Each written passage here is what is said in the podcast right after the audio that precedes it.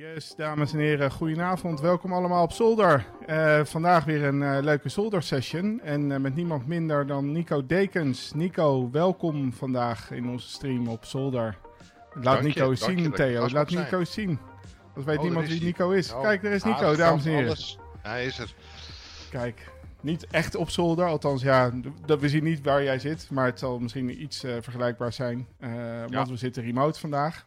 Um, netjes uh, binnen corona-maatregelen. En ja, we, we, hadden het in het uh, kleine voorgesprekje al eventjes over dat dat een beetje ook de, de MO van de laatste maanden is. Hè? Veel naar beeldschermen kijken en streams doen.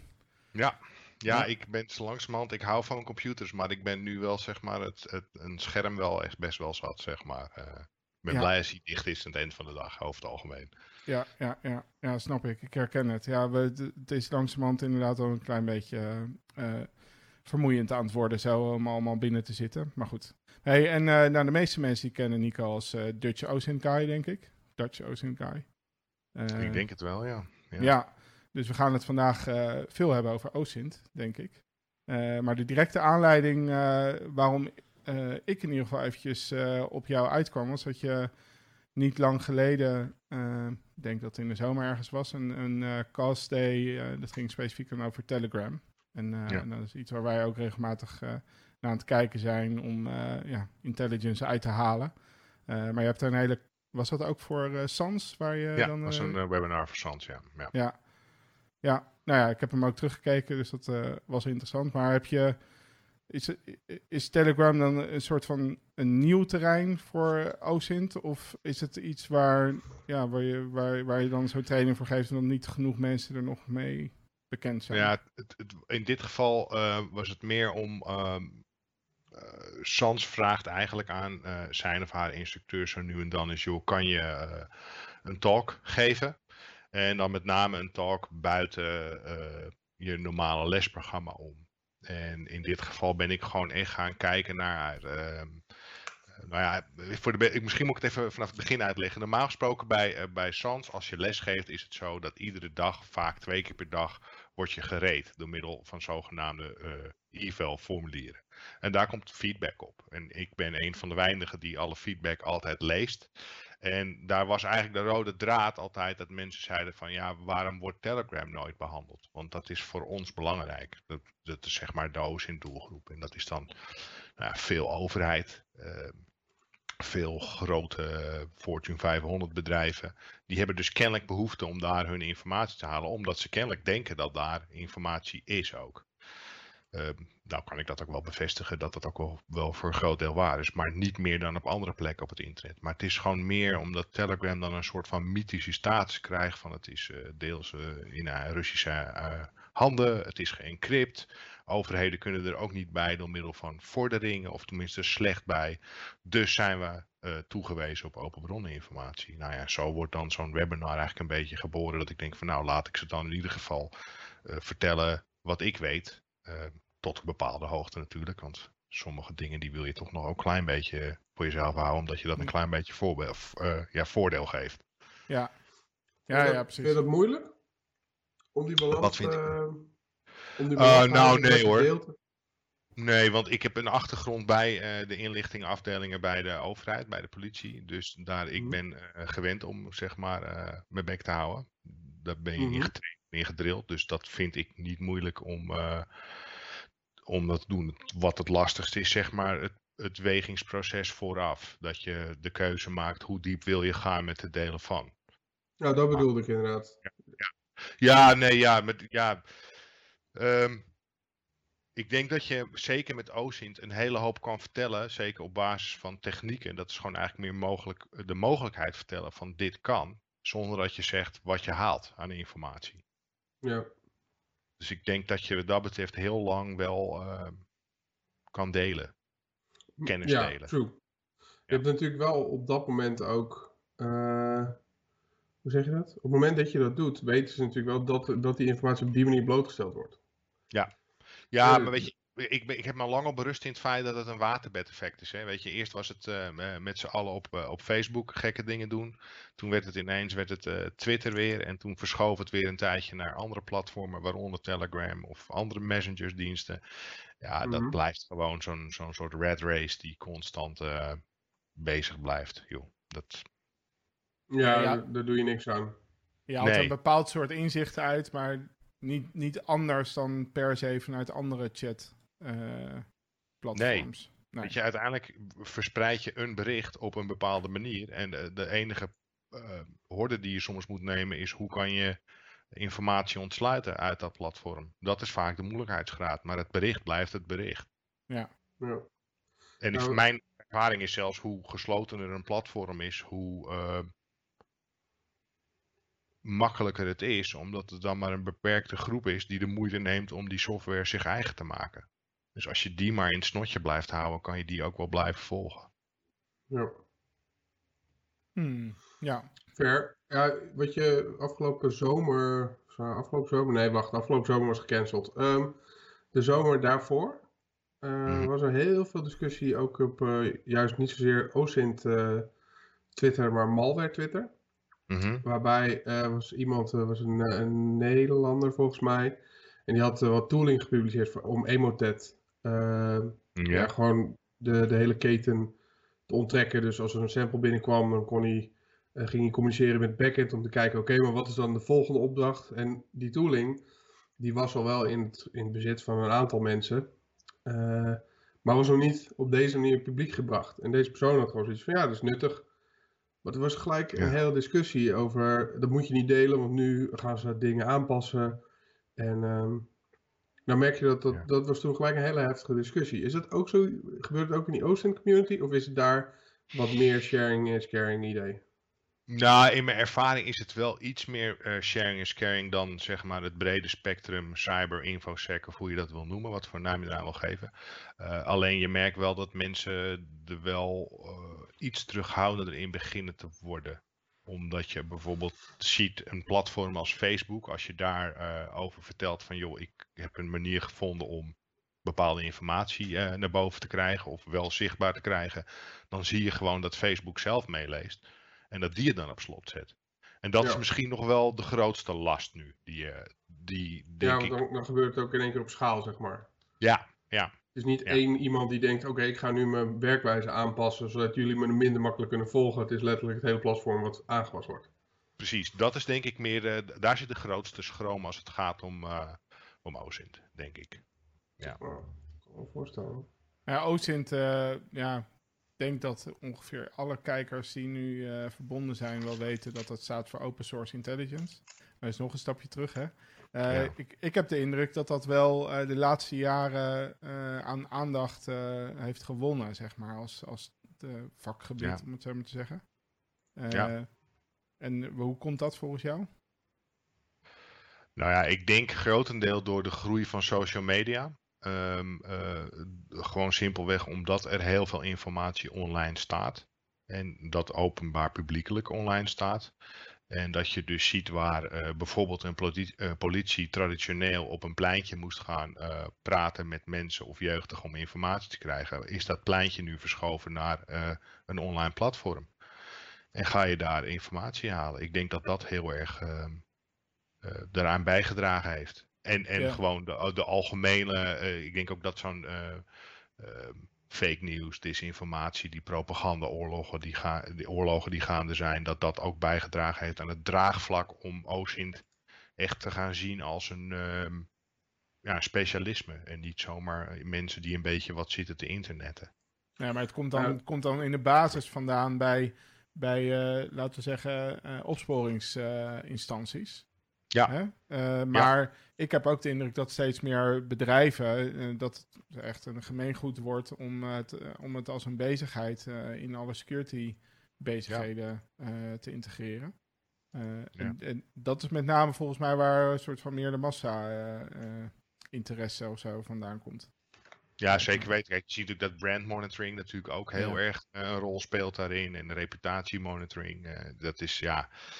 En het is natuurlijk ook met dat soort tooling. Het wordt natuurlijk ook steeds makkelijker gemaakt. Want je kan natuurlijk veel. Hè, je kan, als je maar genoeg geld hebt, dan koop je gewoon een of ander platform die. eh, eh, zeg maar een goed gemeente aan social media van jou binnenschraapt op basis van bepaalde keywords. En dan Ja. hoef jij er alleen nog maar een beetje zingeving aan te geven. Ja. Uh, Ja. Ik moet zeggen dat, dat toen we. Ik ben ooit een keer begonnen met, met pentestwerk bij Hofman. En Hm. eh, daar had je dus ook inderdaad een afdeling die, die zich dus bezighield met eh, dat soort open bronnenonderzoek. Ehm, ja, toen maakten wij altijd de grap, dit is fancy googling. Ja, Ehm, ja, dat is natuurlijk een beetje flauw en, en ook niet, eh, denk niet helemaal juist. Maar in hoeverre denk je dat het, hè, want die, die- dat beeld ontstaat heel vaak, dat het gewoon een soort fancy googling is. ja. Zie jij dat ook zo? Ehm, nou ja, voor een deel is dat natuurlijk waar. Ik, ik denk dat ik, ehm, als ik een gemiddelde werkweek ehm, pak waarin ik onderzoek doe en geen les geef, dan denk ik dat ik eh, de helft van mijn tijd bezig ben in zoekmachines. Alleen de vraag is natuurlijk wel, eh, hoe gebruik je die zoekmachines en hoe formuleer je je vraagstelling en hoe gericht ben je daarmee bezig? Ik denk dat daar het grote verschil is. En dan nog, Kijk, ik haal informatie binnen, maar informatie is gewoon informatie. Ik, ik denk dat mensen wel eens voorbij gaan met open source intelligence, dat het laat met name het laatste woord, daar draait het uiteindelijk om. Het is wel een echte analyse door ja, verschillende Ja. plekken van het internet hark je informatie binnen. Ja, dat harken, dat lek- lukt het best door goede zoekslagen te maken. Ja, agreed, Ja. agreed. Ja, Ja, het was ook. ehm, ik, ik, het is ook een stuk lastiger, vind ik, dan. eh, want het is naast dat je weet waar je al die data vandaan kan halen, is het inderdaad sens maken van al die data. ja, Eh, Ja. ja, daar had ik, denk ja, misschien omdat ik een stuk jonger was, eh, maar de- toen had ik dat, zag ik dat niet. Toen dacht ik gewoon, ja, oké, ga je de hele dag zitten googlen. Nou, ja. Ja. ja. klinkt niet als mijn job, laat ik het zo Nee. zeggen. Dus, Dat is best leuk, vertellen. nou, nee, maar ik, ik moet ook zeggen, ik, ik merk dat je in, in pentest werkt ook echt wel op tegenkomt. Eh, Ja. Zeker niet eh, zo vergaand als, ehm, eh, als, als wat sommige mensen die echt OSINT werk aan doen zijn doen. Maar je, wat je niet kan vinden, dat kan je niet hacken. Nee. Met een, met, met een Ah, ja. pentest. In die zin is dat waar, ja. ja. Ja, dus als ik een blackbox testje heb, heb en, en ik moet gewoon maar, ja oké, hier is de hele applicatie, ga maar. Ja. Eh, ik ga je niet vertellen wat er allemaal in zit. Als je dan, ehm, soms kan je letterlijk via Google of via GitHub eh, gewoon, weet je, al, al zoveel informatie vinden dat je eigenlijk helemaal niks meer hoeft te doen. Dat terwijl als je dat niet weet op te zoeken, eh, ja, dan Ja. zou je het nooit vinden en blijft ook, die klant is ook kwetsbaar. Ja. Maar Ja, dat ik denk ook als jij het hebt over pentest.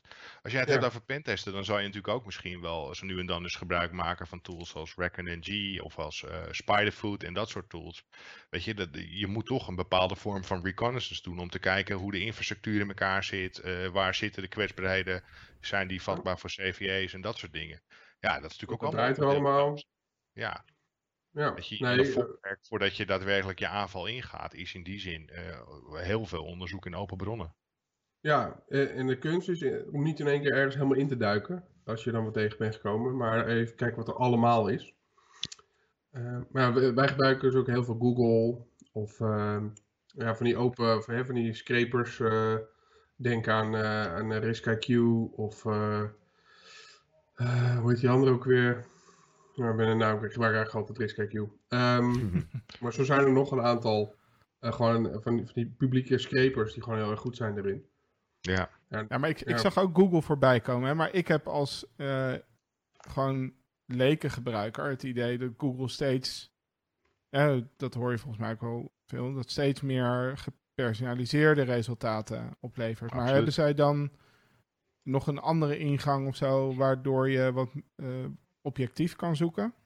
Eh, of, Nou ja, in die zin, kijk, Google is per definitie een filterbubbel, altijd. Want het altijd op basis van je device fingerprint, dus welke computer hebben, welk IP-adres, welk VPN, instellingen, add-ons, dat bepaalt allemaal welke resultaten jij te zien krijgt. Wij kunnen nu met z'n drieën tegelijkertijd, ik noem even wat in Google nu intikken, eh solder session, en we krijgen alle drie andere resultaten. Die garantie kan ik je nu geven. We krijgen wel in grote lijn dezelfde resultaten, maar we zullen op basis van onze machine en onze instellingen en locatieinstellingen andere resultaten krijgen. Daarbij Ja. is bij OSINT is het wel van belang dat je dus eigenlijk altijd zorgt met een, een schone machine. En een schoon IP, zodat je eigenlijk een, ik noem het maar, een out-of-the-box system hebt die nog niet besmet is en gecompromitteerd is met andere zoekslagen en andere benden. Zodat je zo'n natuurgetrouw mogelijk uh, en antwoord doe je, krijgen. En doe je dat sowieso meer ook vanuit opzek? Of is het echt ook voor, voor de reden dat je dan gewoon min, min of meer objectieve zoekresultaten krijgt? Uh, ja, ja, tweeledig. Het is, het, is een, het is een deel afscherming opsec uh, en het is een deel uh, objectieve zoekresultaten. En daarbij denk ik dat ik ook um, altijd niet alleen vertrouw op Google. Want er zijn natuurlijk meer zoekmachines in deze wereld. Ja. Dus ik vergelijk wel altijd mijn resultaten ook in al die andere. Want één is geen in die zin. Ja, en voor mij had ik, ik, ik had zelf de. Um, ja, wat, wat voor mij en denk ook wel veel, veel Nederlanders veel indruk heeft gemaakt, is uh, destijds de rol van, uh, van Benningcat in de hele MA17-onderzoek. Uh, ja. In die tijd werkte hij daar denk ik ook, hè? Nee, ik ben er, ik ben er daarna gekomen. daarna, oké. Okay, oké. Ja. maar goed, ja, je hebt wel een beetje dat ongetwijfeld een beetje zo ervaren. volgens mij was dat ook een soort van introductie voor heel veel mensen eigenlijk het werk wat Benneke deed en dat ook wat toen in ieder geval voor Nederland uh, uh, qua aandacht natuurlijk enorm veel uh, in de media en zo ja. kwam. in, in het veld van OSINT. En ik, ja, er is één documentaire geweest. Ik had hem van de week ook op Twitter gegooid. Die was bij de VPRO, dacht ik, uit mijn hoofd. Ja, ja die die post-truth world uh, documentaire, denk ik, niet over. Ja, die is wel heel vet. Of, eh, of vind jij dat, is dat, uh, of is dat meer, alweer een beetje meer Hollywood-stijl? oh, ja, nou ja, deels wel. Kijk, weet je, wat ik vaak jammer vind aan zulke documentaires of, of televisieprogramma's, is dat het net lijkt alsof je zoiets oplost in een uur tijd. Ja. Maar daar gaat maanden werk in zitten. Echt, echt maanden, en dan echt monnikenwerk. Dan moet je echt voorstellen dat dus gewoon tien, misschien wel twintig mensen die deel uitmaken van het collectief Bellingcat naar, nou ja, je hebt bijvoorbeeld uh, zo'n voorbeeld dat er zo'n uh, uh, konvooi rijdt met Russische uh, militairen. En er wordt dan één foto uiteindelijk wordt er dan gematcht aan een jongen die in een bus half zit te slapen in dat konvooi. Ik weet niet of je dat voorbeeld kan herinneren. Maar daarvan weet ik, daar hebben gewoon een aantal mensen echt weken beeldmateriaal lopen vergelijken. Ja, en ja, dat is zeg maar het niet sexy gedeelte van Ozin, maar ja. het hoort er wel bij. En wat is drijf je er dan op dat moment om, om daar weken zo lang mee bezig te zijn? Of is dat meer, is dat eigenlijk stiekem toch ook een beetje obsessie dan? Een gegeven moment. Ja, ik, ja, het is van alles. Het is een drijfveer van, nou moet ik het weten. Uh, Ik heb zoveel aanknopingspunten om, om um, te denken dat er wat aan de hand is. Ja, ik denk ik ook een, een soort van autisme. Van, ik, als je ja. wordt van in een tunneltje. Ja, het, het, het is van alles. Ja. Het, is, het is denk ik ook wel een stukje obsessie inderdaad. Je had op een gegeven moment ook in die documentaire een voorbeeld van een... Uh, uh, een journalist die wordt vermoord op, uh, door ISIS. En dan gaan ze op basis van de achtergrond proberen ze te herleiden waar dat dan gebeurd is. Ja. En dan zit je, uh, dan is er iemand op basis van satellietbeelden aan het kijken. Daar staat een boompje en ik zie hier ook een dingetje. Ja. Ja, wat een monnikenwerk. Ja, ik moet ook eerlijk zeggen dat dat vind ik bijvoorbeeld binnen open source intelligence uh, uh, een minder aantrekkelijk deel. Het is zo breed. Ik vind zeg maar dat geolocatie gebeuren, als ik dat aan iemand anders kan slijten, graag. Want dan krijg je dus dat soort dingen dat je dus tien dagen lang meter voor meter op Google Earth aan het uitkampen ja. bent. Ja. Misschien wel tot de conclusie komt dat je net het verkeerde grid gedeelte te pakken hebt. Ja, het is wel heel mediageniek, want je kan maar je landschappen in beeld brengen en zo en dat soort dingen. Dus ja. het goed op de televisie. Ik denk dat dat, ja. uh, dat daardoor zo, uh, zo goed overkomt. Ja. Ja, en een ander, uh, die was een andere documentaire, die was, ik weet niet of, of dat nou dit jaar was of vorig jaar, dat Don't Fuck With Cats. Ja. Dat, is, ja. dat is, ja, ja, dat is natuurlijk een beetje helemaal doorgeslagen. die heb ik niet gezien. Mij. Wat is dat? Nee? Ja, het is een Netflix-serie. Ja, er is een, um, ja, wat was het? Een, een, een, bekende Russische of maar een beetje een Oostblok-achtige meneer die uh, het leuk vond om uh, een influencer om katjes te laten stikken, vermoorden. En uiteindelijk zei, is echt, is echt waar gebeurd verhaal overigens, ja, voor de lol. En daarvan dacht, uh, nou ja, daarvan dacht een, een, hele groep mensen online van, dat kunnen wij wel uitvogelen wie erachter zit. Nou ja, en met heel veel tijd en geduld en, en samenwerken internationaal. Dus gewoon mensen die, zoals wij nu ook zitten, op hun zolder of op hun kamer zitten. En daar gewoon heel veel uren in steken om die puzzelstukjes te gaan verifiëren. Je ziet een stukje van hun huis waar misschien een stukje krant ligt waaruit je het op kan maken dat er Dat het dat land is. En steeds een beetje pinpointen. Ja, dat is. Ja, dat vind ik heel mooi om te doen. Als je dat, als je dat kan en ook weet welke handvatten je daarvoor nodig hebt om bijvoorbeeld snel ergens te kunnen komen. Op basis van zo'n vermoeden. Ja, dat is heel leuk. Nou, volgens mij was het in dat verhaal ook nog, of ik, ik weet niet of ik het nou, nou eh, dingen door elkaar inhoud, maar volgens mij was daar ook het, het geval dat die persoon die dat deed, dus eh, dat het uit de hand liep en dat hij op een gegeven moment ook eh, met mensen aan de slag ging. Hè, Ja, Dus dat het ja. soort van, eh, de- ja, Theo, die, Theo die pakt de microfoon, die zit hier eh, onzichtbaar, maar die, Theo vertelde eens, hoe ging het ook weer? Want hij, hij werd ook eh, steeds extremer. Ja. En uiteindelijk eh, heeft een jongen naar zijn appartement eh, ja, Gehaald. precies. en die heeft hij Ja. vermoord toen.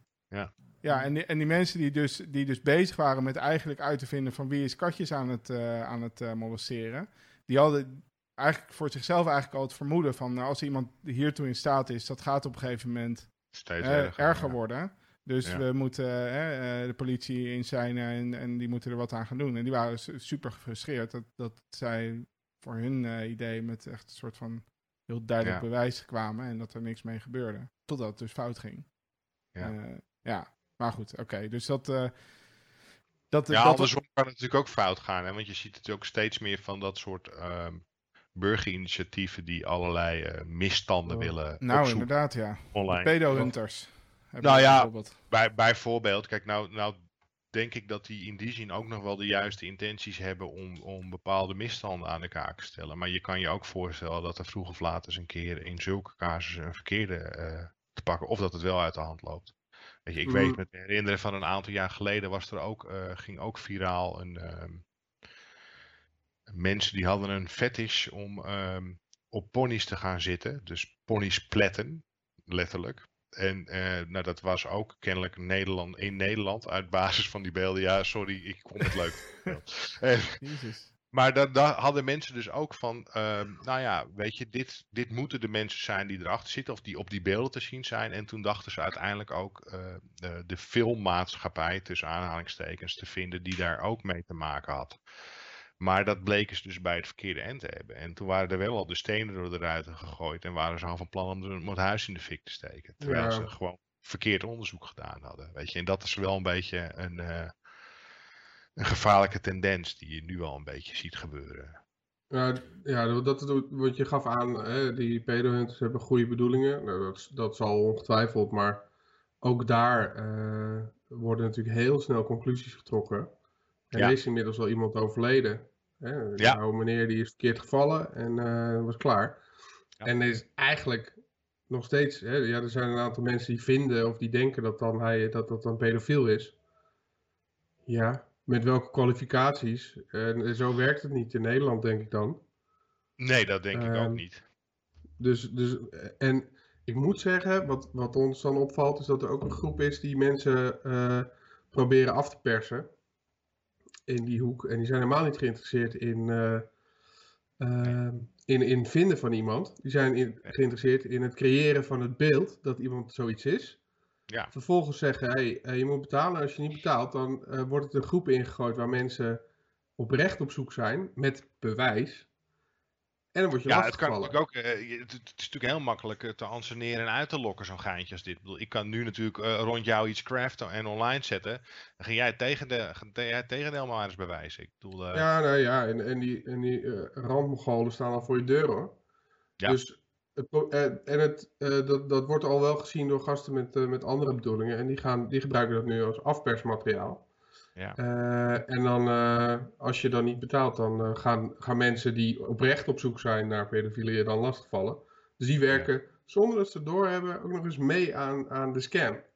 ja. Ehm, ja, ik, ja, ik het vind een nare business. En je ziet nu dat de eerste dode geval is. Het zal niet de laatste zijn, ben ik bang. Nee. Dat en het zijn ongekwalificeerde mensen die, die zoiets proberen nu. Ja, weet je, ik, in die zin ben ik, waar ik dan tot nu toe zelf dan nog wel blij mee ben, is dat er steeds overal camera's bij zijn. En dat die gasten ook de behoefte hebben om alles live te streamen. Dus dan, als het dan fout gaat, dan hebben we gelukkig de beelden nog. Hoe erg dat ook klinkt. Maar dan heb je in ieder geval nog iets. Weet je, als dit op donkere achterafjes opgelost gaat worden zonder dat er beelden bij zijn, dan ja, dat lijkt me nog veel onwenselijker. Hey, Ja. eh, Nico, als jij, eh, want jij zei net al kort eventjes van als je niet training aan het geven bent, dan doe je Ja. zelf onderzoek. Maar va- vanuit welke hoedanigheid of eh, ben jij als consultant dan eh, Ja. bezig? Ja, ik ben, nou ja, ten eerste, ik doe ook gewoon onderzoek uit persoonlijke interesse naar dingen. Gewoon om, Mhm. om eh, het is gewoon aard van het beestje een beetje. Ehm, maar dat is dan meer fenomeen georiënteerd, omdat ik dat dan gewoon interessant vind. En ook omdat ik eh, platformen wil doorgronden en technieken wil doorgronden. En soms gewoon consultancy in de vorm van iemand die belt me op met een probleemstelling, een vraagstelling. En daar kan ik dan wel wat mee of niet wat mee vanuit mijn eh, achtergrond en professie. Ja, ja. Ja, En zijn het dan inderdaad eh, dan du- dus liever niet geo-opdrachten, maar eh, ja, we, hebben, Ja. We, hebben, we hebben hier iets, een foto of een, of een, iets, een stuk data. En Ja. eh, vind jij de context alsjeblieft van ons uit, zeg maar. Dat, Ja, maar dat, nou, ja, ja, weet je, als je, ik kan wat voorbeelden noemen zonder namen te noemen. Eh, eh, een- een bedrijf wil een ander bedrijf overnemen en die willen gewoon kijken of wat er aan de strijkstok blijft hangen als Ja, we die CEO's gaan bekijken. Of, of, eh, of hebben ze al andere dingen die niet kloppen. Ehm, Oh, dat is interessant. ehm, een, ehm, een bekend persoon wil een reis maken naar een bepaald land en die wil gewoon een risk assessment hebben van joh, kan ik veilig naar dat land op basis van het beeld wat jij in open bronnen ziet? Of de hotels waar ik me daar ga begeven, eh, kan dat Ja. mijn imago schaden? Dat soort dingen. Ja, je kan het wat dat betreft kan je het zo breed trekken, maar ook stalkers die, eh, die gezocht moeten worden, waarbij bijvoorbeeld de politie zegt van nou, daar kan ik niks mee of daar willen we niks mee. Kan jij eens kijken of jij in ieder geval eh, een lead kan vinden, zodat de overheid de- er wel wat mee kan. Ja, dus het is niet de politie die het aan jou vraagt, maar meer zeg maar een private persoon. eh, ja, Ja. oké. Ja, Oké. ja weet je, wat dat betreft kan het echt heel breed. Sorry? Neemt de politie dat ook gelijk aan? Of heb je daar nog wel moeite mee om dat over eh, te hevelen? Als je informatie hebt. Nou ja, en kijk, of ze het aannemen, dat is natuurlijk altijd de vraag. Eh, dat ligt gewoon, denk ik, meer aan capaciteit. Eh, ehm, ik weet wel de weg te bewandelen dat het bij de mensen terecht moet komen waar het terecht moet komen. Of laat ik zo zeggen, ik weet in ieder geval wel zo op papier te zetten dat zij er meteen mee aan de slag kunnen. Ik bedoel, ik heb Ja. zelf 20 jaar gewerkt, dus ik weet wel hoe, eh, wat zij nodig hebben om te kunnen werken. Ja, dat is Ja. dus meer de vraag, hebben ze tijd eh, Ja, om het te Ja. doen? Ja, en dat is niet altijd het geval, helaas. Althans, ze, ze zouden Ja. wel tijd willen hebben, maar sommige dingen moeten ze dan weer voor laten gaan. Ja, zo werkt Ja, wereld. niet, het heeft niet altijd prioriteit dat eh, het gebeurt. Ja. Ja. Ja, en voor sommige dingen moet misschien ook al aangifte gedaan zijn voordat er iets. eh, Ja, ja ook Ja, dat, dus- ook dat. Ja, Ja. ja. zeker. Ja, het is, ja, weet je, Maar- spelers over. Ja, maar eh, volgens mij dat is wel het geval, toch? Ik bedoel, het is iemand die zegt, eh, de politie eh, die kan niks met mijn aangifte, neem ik aan. Sorry, nog een keer? Nou, in die situatie dat er dus iemand gestalkt wordt bijvoorbeeld. Ja, ja. ehm, dan zie je vaak dat, het, eh, dat er al wel aangifte is gedaan, maar dat de politie eigenlijk de feedback geeft van, ja, Ja. kan je niet helpen. Nee, weet je, ze lopen gewoon heel vaak vast. ehm, omdat het dan toch nog best wel vaak op een. Op zo'n basisteam terechtkomt waar de technische kennis gewoon eh, nog niet op het niveau is waar het zou moeten zijn. Terwijl dat Ja. wel, wel hard vooruit gaat. Ik zag toevallig vandaag nog een artikel erover iemand plaatsen die eh, zei van dat ze een onderzoek hadden gedaan naar dus de technische kennis van de politie. Omdat er verschuiving is naar het hele internet, naar elke vorm van cybercriminaliteit. Ja, dat, je, dat ze verwacht hadden dat met name oude politiemensen eh, daar niet in mee konden komen of dat niet snapten. Maar dat dat dus helemaal, dat beeld niet helemaal correct is. Dat dat dus gewoon eh, leeftijdsonafhankelijk is, maar ook achtergrondsonafhankelijk binnen de politie. Dat er gewoon algemeen, eh, zeg maar, een soort van digitale ongeletterdheid is. Oh Ja. ja. dat geloof ik wel, ja. Ja. Toch moet ik Ja. heel eerlijk zeggen, als ik kijk naar mijn ervaring daar, maar ook als ik nu lesgeef internationaal aan allerlei overheden, dat ik, en dat zeg ik niet omdat ik een Nederlander ben, maar dat Nederland eh, wel echt veruit voorloopt op elke vorm van eh, gebied van cyber. Op andere Ja. landen. Maar ik, Mag ik ook denk ook dat gezegd wij worden. hele goede... Hm? ik zeg, het mag ook eens gezegd worden. Toch? Nou ja, ik, ik geloof ook echt wel, ik weet zeker dat wij hele goede mensen hebben. Eh, bij de politie. Ik heb een aantal mensen gesproken, ook al, eh, die, waarvan ik gewoon weet dat die technisch heel, heel, heel handig zijn. Ja. Ik denk alleen dat eh, onze politie loopt voor. Maar als ik nu kijk naar de laaghangende criminaliteit in Duitsland of in België. Ja. internetcriminaliteit versus hoe dat hier in Nederland is. Op dit moment exporteren wij dat naar Duitsland, naar België. Uh, en daar hebben ze van een WhatsApp-trucje hadden ze nog nooit gehoord. Nou, daar hebben ze zich helemaal kapot gelachen. Want hier in Nederland werden ze, werden ze op Dumpert gezet. Met hele chats. Weet je wel, dat mensen, ja. mensen voor de gek houden, vonden ze leuk. En in België dachten ze gewoon: Oh, mijn dochter heeft geld nodig. Nou, let's go. Ja. En, um, ik denk ook dat wij voorop lopen waar het gaat om criminaliteit. En die cultuur en die, uh, en die scene. Uh, dus ik, denk dat dat ook heel hard nodig is hebben. Hè? Wij hebben van oudsher natuurlijk al die hele infrastructuur die uh, ja, best wel goed is. Ja. ja. Ja, nou, zeker. landje ook. Ook als je kijkt naar onze universiteit, hebben wij veel technische universiteiten, veel informatica studenten. Dus uh, ja joh, Duitsland, uh, de laatste keer dat ik daar was toen printers. En dat de laatste keer is dus uh, binnen de afgelopen twee jaar op een politiebureau printers nog met matrix printers. Dus dat zegt genoeg denk ik. En was je een beetje in het westen of in het zuiden of in het oosten van Duitsland? Dat maakt nog wel een groot verschil. Uh, Dit was gewoon Frankfurt. Daar had je toch wel iets meer van verwacht. Daar had je wel maar. meer van verwacht, ja. Ja, ja. Nee, inderdaad. Maar... Hey, en het andere voorbeeld vond ik ook wel uh, grappig wat je zei. Want dus bij, ook bij in M&A-trajecten, dus bij bedrijfsovernames, is dus langzamerhand ook dit soort onderzoek uh, af en toe aan de orde. Of gebeur, ja, gebeurt dat heel vaak? Want ik, ik kan me nog herinneren... Nou, ik heb destijds mijn bedrijf aan KPN verkocht. Dat was in ja. 2000, nou, 2016, 2017 liep dat. en toen um, was het was KPN eigenlijk best wel ver met het in dat traject eigenlijk eisen stellen ook aan de beveiliging en het meenemen van ja, hoe zeg je dat? Uh, een pentest en resultaten daarvan, bevindingen daarvan. En uh, dat ook als risico meenemen, zeg maar, in de onderhandelingen. Ja. Um, en voor de mensen die dus zo'n traject begeleiden, was het, die, en die nog niet zo vaak met KPN daarmee werken, was het eigenlijk vrij nieuw dat zij dat op zo'n hoog niveau eigenlijk deden en ook eisten. En dat het ook zo showstoppers konden zijn. Ja. Maar dat ging dan toch nog wel heel erg over technisch. Over technische ja. infrastructuur en lekken en ja, hoe ga je ermee om, risicomanagement. Maar dit, dit soort onderzoek is, ja, zover ik weet, kan natuurlijk mm -hmm. wel gebeurd zijn, maar ja. is niet uitgevoerd. Maar dit, nee. komt dit vaak voor? Of is het, zijn het hele specifieke gevallen waar dan... Uh, ja, waar nou, kijk, ik moet wel de eerlijkheid gebied met wel te zeggen dat het over het algemeen meer dus het technische vlak is. En Ja, dat ja. is dus meer de infrastructuur en dat soort dingen. Maar ik zie met name, eh, laten we zeggen, buiten Europa.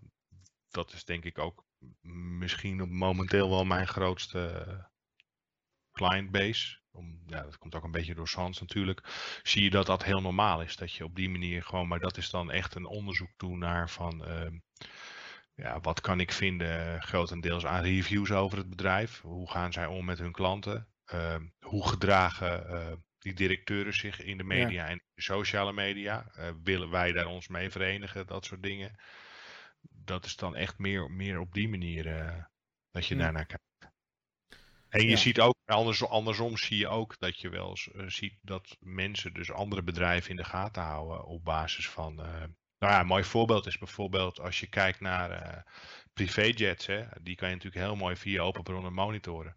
En als je bepaalde privéjets regelmatig bij ziet komen, is er misschien een bepaalde merger op handen. En dat zou natuurlijk voor beursspeculatie natuurlijk ook heel interessant kunnen zijn. Dus Hmm. op die manier word je ook wel ehm, benaderd om bepaalde dingen te monitoren op basis van eh, ja, eh, traffic. Maar dan traffic in de vorm van Mm. verkeer, samenkomsten en van dingen. En als je dat dan ook nog kan matchen aan bijvoorbeeld dat je een foto op Instagram ziet dat, dat ze daadwerkelijk daarna in hetzelfde hotel zitten ergens in Dubai of zo. Dan kan dat een bepaald vermoeden bevestigen. En dat in combinatie met Umint, dan krijg je best wel snel een, eh, een mooie... Human intelligence. Wat is ja. dan ook weer humint ten opzichte van OSINT? Eh, ehm, nou ja, dat is eigenlijk, Humint is pratend met mensen. Even kort Ja. samengevat. Eh, je, je praat met iemand die jou informatie geeft. En dat kan eh, al dan niet stiekem of heel openlijk zijn. Maar dat is eh, human intelligence. En dat kan je natuurlijk ook digitaal doen. Want je kan digitaal natuurlijk ook een gesprek met je aanknopen. Maar het is eigenlijk gewoon een vorm van eh, iemands vrijwillige informatie laten loslaten. Door middel van vraag stellen.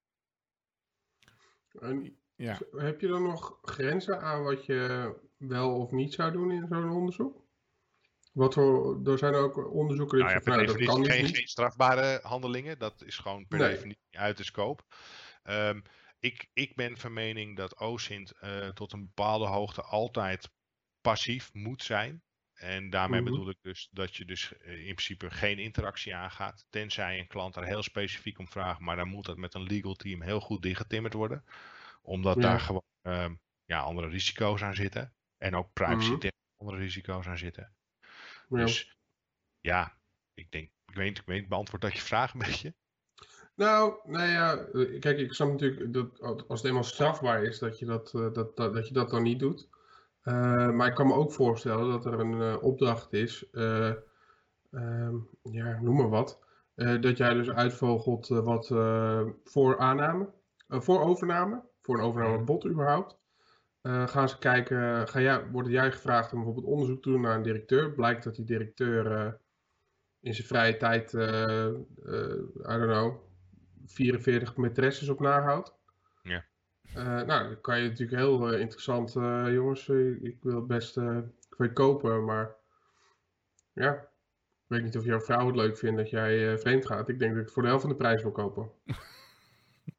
ik noem maar wat.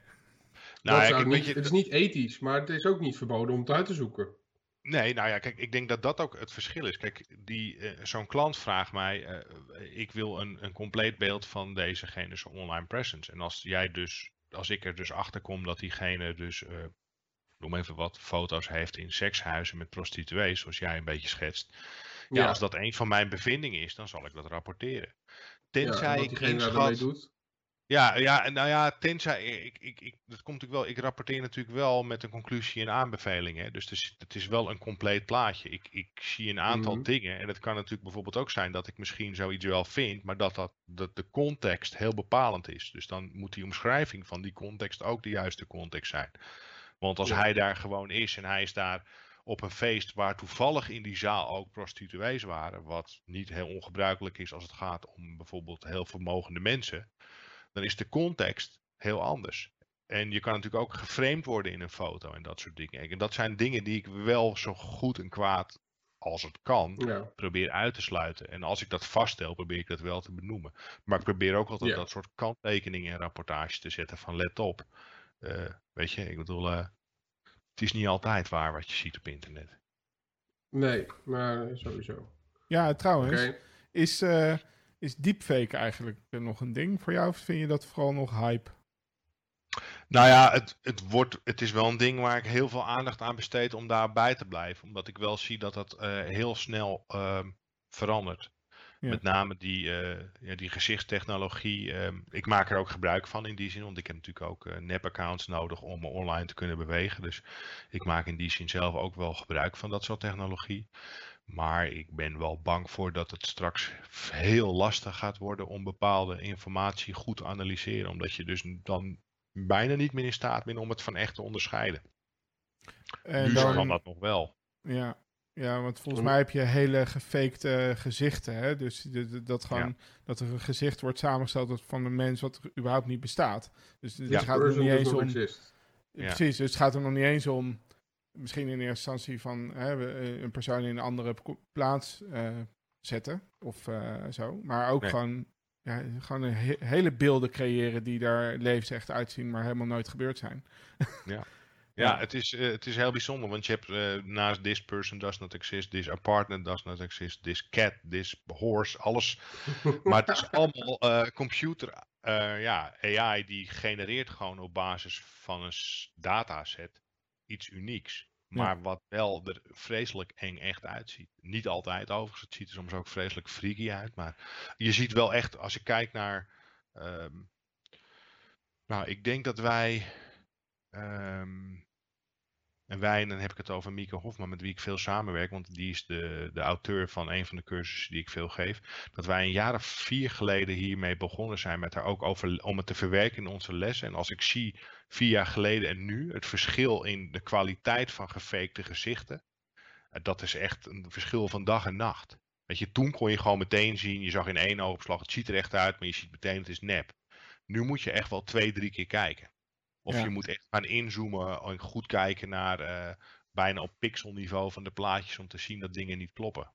En eh, ja, precies. Oké. Zijn de- dat zijn dus de technieken. Zijn, zijn, dat, eh, zijn dat dingen waar. Is dat dan net het geheim van de smid? Om- Hoe je nog in staat bent om dat te herkennen?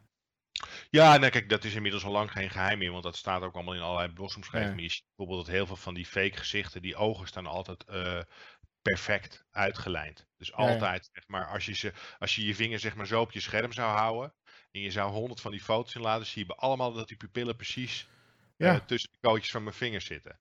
Ja, ik kwam een foto. Ik zag volgens mij gisteren nog een foto op eh, Twitter voorbij gaan. Met, eh, dat iemand had zo'n eh, rood vierkant getrokken langs een Ja, groep foto's. Dat is van Ja. Benjamin Strik geweest, ja, van de BBC is dat, ja. ja. Oh ja. Ja, dat is, dat is zo'n dat is, dat is zo'n techniek. En je kan bijvoorbeeld altijd zien dat oorlellen, want die schijnen toch kennelijk lastig te genereren zijn, de computers. Daar zie je dan dat dat niet klopt.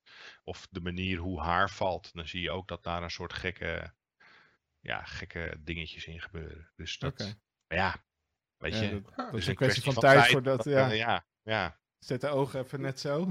Ja. F5 Ja, inderdaad. dat zijn technieken die ik bijvoorbeeld weer gebruik. Want je ziet bijvoorbeeld ook dat bijvoorbeeld een platform als Facebook, die eh, als ik daar nu een fake account aan maak en ik pak een foto van this person does not exist, dan wordt je account gewoon meteen geblokt. Want die herkennen gewoon op basis van dat soort karakteristieken van joh, dat is een nep account. Dus wat ik moet doen is zo'n foto pakken en gaan eh, ja, een beetje nabewerken, een beetje tilten, een beetje kroppen, een beetje kleur veranderen, weet je, dat soort dingen, weet je, achtergrondje veranderen. En dan kom je wel door eh, de test heen, zeg maar, laat ik het zo maar zeggen. Ik ken Ja. eigenlijk dit trouwens niet hoor. This person does not exist is een. eh, ja, dat ben ik weer. Ik heb, ik heb er nu een gegenereerd en er zit in plaats van ogen heeft hij, ja, ik denk oogleden. Dus in zijn ogen heeft hij oogleden.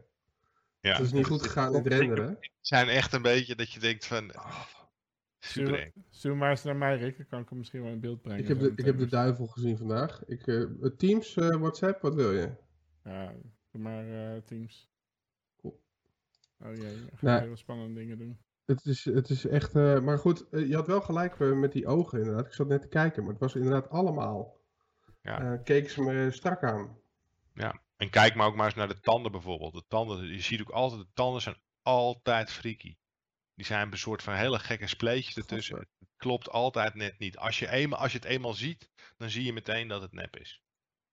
Voorlopig nog. Even opslaan moet ik blijkbaar doen, want... Ja.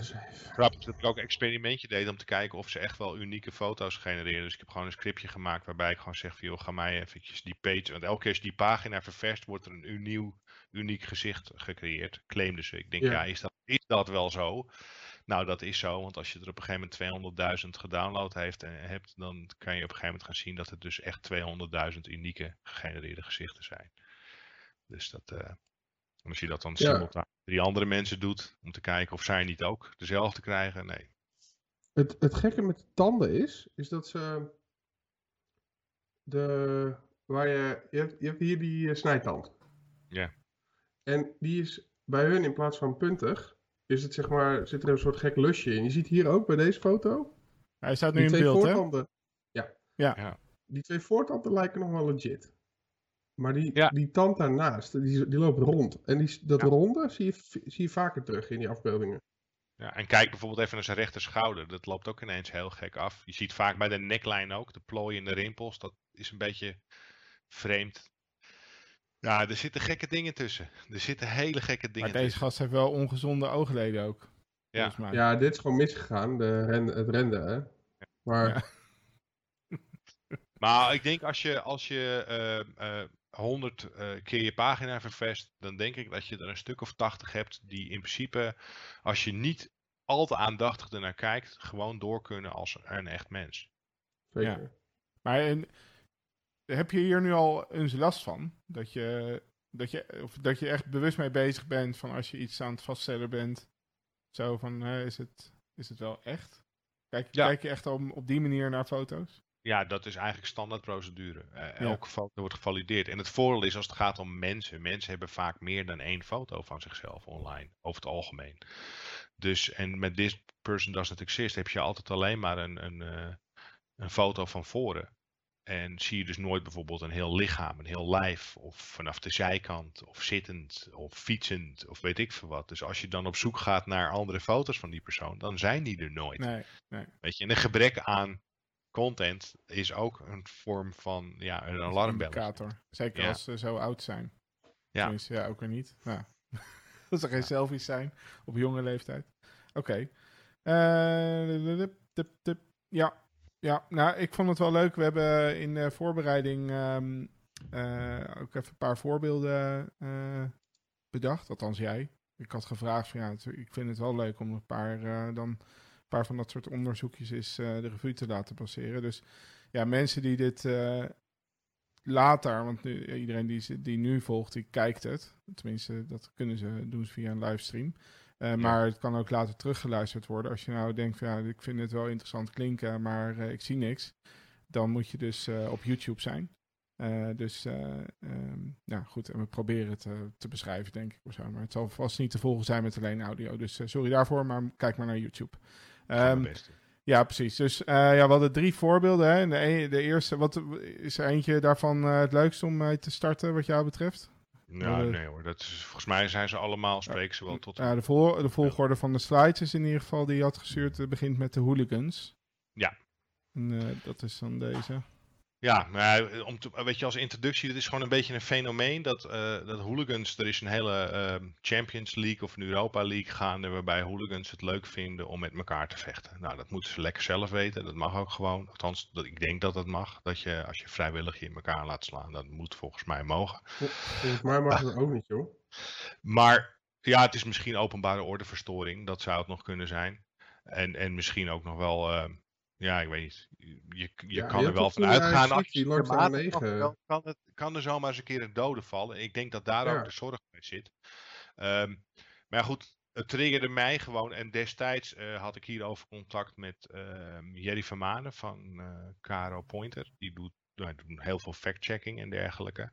En eh, nou ja, daar spraken we over. En toen eh, had hij eigenlijk een lijst met ehm, eh, filmpjes en foto's waarbij hooligans met elkaar op de vuist gingen. En toen zijn we met een groepje studenten zijn we aan de slag gegaan om te kijken of we de locatie konden vinden waar dit gevecht heeft plaatsgevonden. Want wie erbij betrokken waren was wel duidelijk.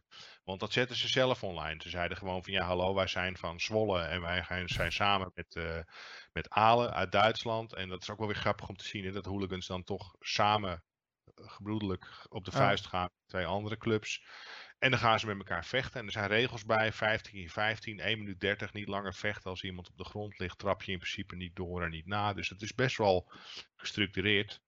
Alleen de uitdaging, en dat is gewoon ook een beetje meer eh, ja, eh, de tik die je hebt, denk ik, als je OSINT eh zeven dagen in de week doet. Dan zie je dit. En ik zie dus niet een gevecht. Nee, ik zie allemaal puzzelstukjes. Dat is eigenlijk hoe ik hier naar kijk. Dus dat is eigenlijk het grappige hieraan, hoe, je dat, hoe dat dan begint. Weet je, je ziet een filmpje en ik zie met, bij, bij mij is gewoon de vraag, maar waar is dit dan? Ja, en want even kijken, hoor, ja, moet je denken even naar de volgende slide. Je moet ander, ander, af en Ja. toe maar zeggen als jij denkt van ga maar naar de volgende. Nou ja, je, ziet, je ziet dus, ehm, volgens mij staat hier een filmpje in automatisch. Hebben Als ze, je, hem, hebben ze nou allemaal dezelfde shirts aan?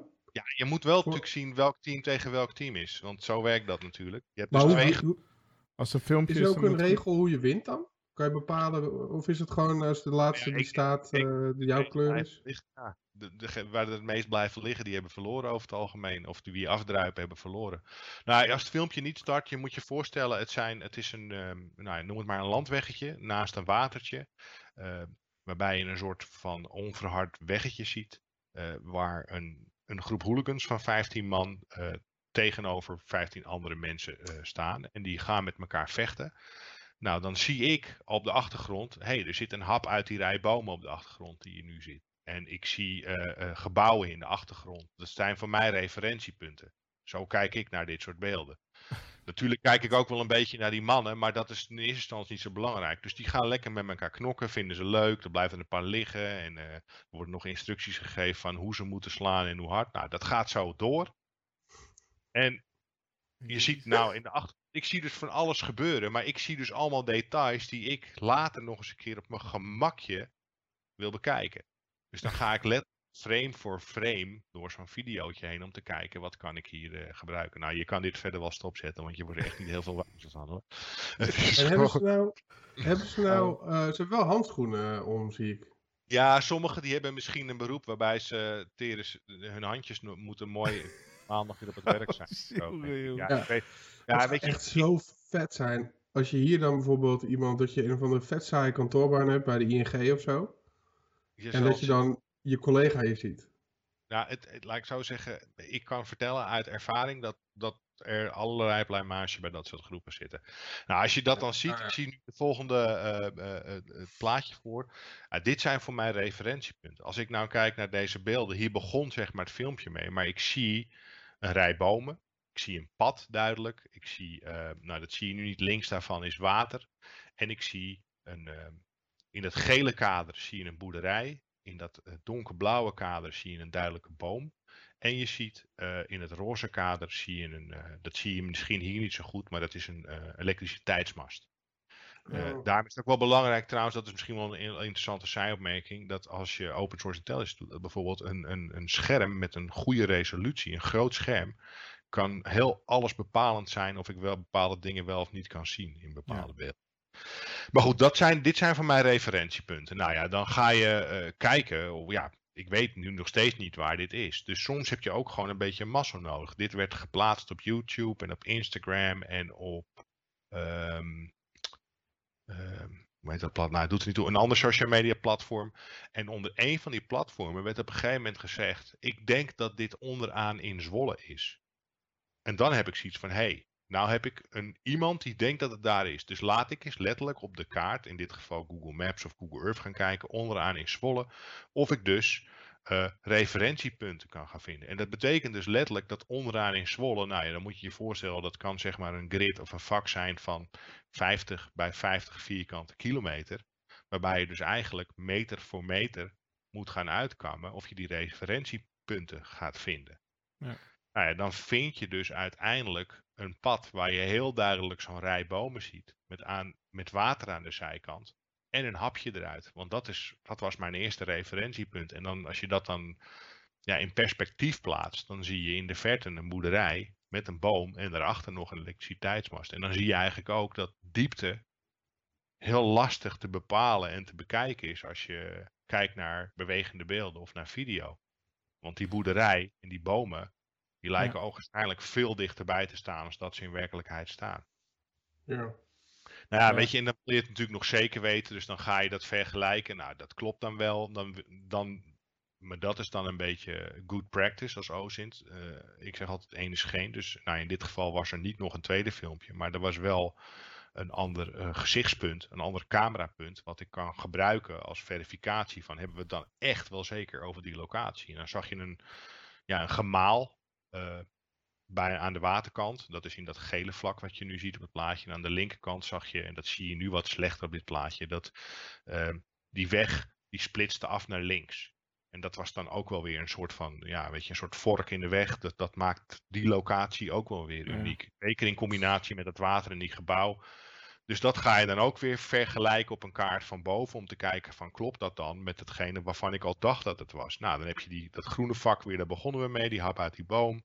Zie je dat gemaal, zie je en je ziet uiteindelijk dat die bocht eh, daar ook komt. Nou ja, dan ben ik er ehm, vrijwel zeker van dat dit de locatie is waar dat gevecht heeft plaatsgevonden. Ja, en, en dus, dus cruciaal eh, dan wel is inderdaad dus iemand die zegt van... hé, hey, volgens mij is dat eh, inderdaad onderaan Zwolle. Ja. Toch wel, want anders dan moet je heel, eh, heel Nederland eigenlijk in theorie eh afspeuren. Of misschien ook wel Ja, het Duitsland. had ook Duitsland kunnen Ja. zijn, want het waren drie Duitse ploegen. Maar dat zou wel zeg maar een werkwijze zijn. In dit, in dit geval was ik ook letterlijk al bezig om te gaan kijken in de plaatsen waar die clubs vandaan kwamen. Ja, ja. Al- Maar mijn aanname was in eerste instantie verkeerd, want ik dacht drie Duitse clubs, dus het zal wel in Duitsland zijn geweest. Ja. En dat is ja, een aanname die je, moet ergens beginnen. Dus Ja. eh, Ja, nou ja, nice. uiteindelijk kan je gewoon letterlijk eh, de, de x- en y-coördinaten op een kaart zeggen van joh, daar stonden die mannen met elkaar te vechten. Nou ja, dan weet je dat, puz- puzzel opgelost. Ja. Ja, zo. eh, Jee, leuk. Kom lekker gaan slapen. dan gaat je vrije zaterdagmiddag. Ah. eh, Nee, za- ja, serieus zaterdagmiddag alleen? Of dit heeft toch wel langer geduurd? Nou, dit, dit, ehm, ik weet van deze casus. Deze casus is denk ik in een tijd van met behulp. Ik denk dat hij heeft een, eh, vier studenten met behulp van mezelf. eh, ik denk drieënhalf uur aan gewerkt of zo. Serieus? Ja, het kan soms heel snel zijn. Heel snel Ja. gaan. Maar goed, Ja. dan heb je wel inderdaad met die, met die hint van... Kijk, daar is bij wijze van spreken... Heeft, heeft daarbij veel geholpen. Maar ja, Ja, en wat het ook lastig maakt is met dit soort dingen is ook vaak als je met, met geo moet gaan zoeken. Je kan bijvoorbeeld als je op, op foto's of video een, een, eh, een hek ziet of een paal. Ja, dat is van bovenaf zie je het niet, want dat is Nee. gewoon een streep of een stip. Weet je, dus je moet, je, je moet bijna je oog trainen om anders te leren kijken. Van ja, boven. bij- ja bijvoorbeeld inderdaad dat- een, een gat in een rij bomen is inderdaad dan weer wel een goede indicator. Ja, die snap Ja. ik wel. Ja, en schaduw speelt dan ook een rol. Hè? Want als het palen en hekken zijn, dan kan je die schaduw misschien soms nog wel gebruiken om te kijken eh, eh, hoe werkt dat. Ja, Of, eh, oké. Nou, dat zijn leuke casussen, denk ik. Ja, nice. En zijn ze opgepakt? Nee. Nee, dat weet ik niet, joh. Dit, is, dit was gewoon puur uit. uit eh, ehm, ik geloof dat toen de tijd nog de ambitie was van de KRO om daar een heel item aan te gaan wijden op, op internet of op, op een tv-programma. ja, Ehm, ik, weet, ik weet eigenlijk niet eens of dat er ooit van gekomen is. Dat heb ik helemaal niet gevolgd. maar maar dat is wel een leuke case. Ja. Oké, en ehm, de ander die is wat, eh, dat is de aanleiding dan wat ernstiger, eh, want dat ging over een Amber Alert. ja, Ja. ja. er was. ehm, ehm, ik weet het jaartal niet meer. Volgens mij was het vorig jaar. In, in, eh, rond de zomer was er een, een, een Amber Alert. Nou, dat werd gewoon door heel Nederland werd dat uitgezonden. Dus misschien dat jullie dat ook nog wel kennen, waarbij er een jong meisje. eh, die was weg en die zou eh, in het bijzijn zijn van een Engels sprekende man. Dat was zeg maar een beetje het bericht. Ja. Oh, staat, eh, in juni 2019 Amber Alert. een vermist meisje van 12 jaar, dus echt minderjarig, minderjarig. En die was ja, zeer waarschijnlijk in gezelschap van een Engels sprekende man. Ja. Dan is mijn eerste trigger. Oh, dat meisje moet gevonden worden. Maar dat is gewoon omdat ik dat heel belangrijk vind. En omdat ik misschien ook wel iets te lang bij de overheid en bij de politie gewerkt heb. Dat zit, er- ben je- zit er gewoon een soort van in. ja, Hierbij werd op social media werden twee foto's verspreid door de politie. En daar moet je dan zeg maar maar mee doen als open source intelligence man, wat ik ben. Ja, Dus er waren twee foto's en waarbij je aan de rechterkant ziet eh, een meneer, nou, diezelfde meneer, maar dan in een zwarte jas met een petje op en een spijkerbroek en sportschoenen. Ja, dat was op een locatie die kon voor mij ehm, overal zijn. Dat was een winkelcentrum. Maar die linker, dat was duidelijk in een park. En daar zag ik wat dingen die vielen mij op. Ik zag daar een arm op met een mitrailleur of een wapen in ieder geval. Waarvan ik meteen wel zag van, nou, dat is geen, ehm, geen echte arm, geen mensenarm, laat ik het zo zeggen. En Ja. ik zag eh, ja, wat bomen, in ieder geval wat dingen die die locatie waar die man staat uniek maken. Dus Ja. daar ben ik eigenlijk op gaan zoeken. En in dit geval dacht ik, mijn vermoeden was, nou, dit zou best eens een park kunnen zijn. Die arm zou best eens van een soldaat kunnen zijn. Dus dat zijn dan mijn beginpunten. Nou, dan is het eigenlijk heel simpel. Dan is het gewoon eh, in Google gaan zoeken op Soldier Park Statue. En dat doe ik dan wel heel bewust op het Engels, omdat ik gewoon in het Engels, omdat ik weet dat, eh, ondanks dat het misschien in Nederland had kunnen zijn, eh, er veruit de meeste informatie beschikbaar is in het Engels in zoekmachines. Dan niet alleen in Google, maar ook in Bing of in DuckDuckGo of whatever je wil gebruiken. Dat doe ik bewust in het Engels. Nou, toen ik dit deed en ik ben gewoon letterlijk gaan scrollen, eh, kwam ik denk ik na eh, anderhalve meter scrollen, zoals ik het zo maar zeg, eh, kwam ik een foto tegen waarbij ik echt dacht van nou, dat zou best die arm eens kunnen zijn. Ja, dit, Ja. dit lijkt wel. Ja, nou ja, en dan ga je eigenlijk, wat ik dan doe, is een aantal foto's pakken vanuit verschillende hoeken, zodat ik echt goed kan valideren, is dat die foto? Nou ja, ik had natuurlijk de referentie ook die boom die redelijk uniek was op de achtergrond. En links onderaan bij die meneer die dus dat meisje mee had genomen, zag je ook nog op die foto eh, een klein stukje wat wel bloemen legen. Ja. Nou, toeval wil dat er letterlijk op internet ook nog foto's stonden van precies diezelfde locatie in Amerika en Washington dus. Eh, een, een soort oorlogsmonument waar dus die kranslegging was geweest. Dus hij is daar waarschijnlijk ook rond die periode ooit een keer op de foto gezet. ja. Maar heb je wel een. ehm, Ja, wat heb je dan? nou ja, je hebt het vermoeden. Kijk, het vermo eh, de informatie was dat zij in het bijzijn zou zijn van een Engels sprekende man. Ja, Nou, nu heb je in ieder geval een vorm van bevestiging dat die meneer in ieder geval enige binding heeft met een land waar mensen Engels spreken. ja, ja, precies. Hoeft hij nog steeds niet een, Eng- hoe hij nog steeds niet een Amerikaan of een Engelsman te zijn. Nee.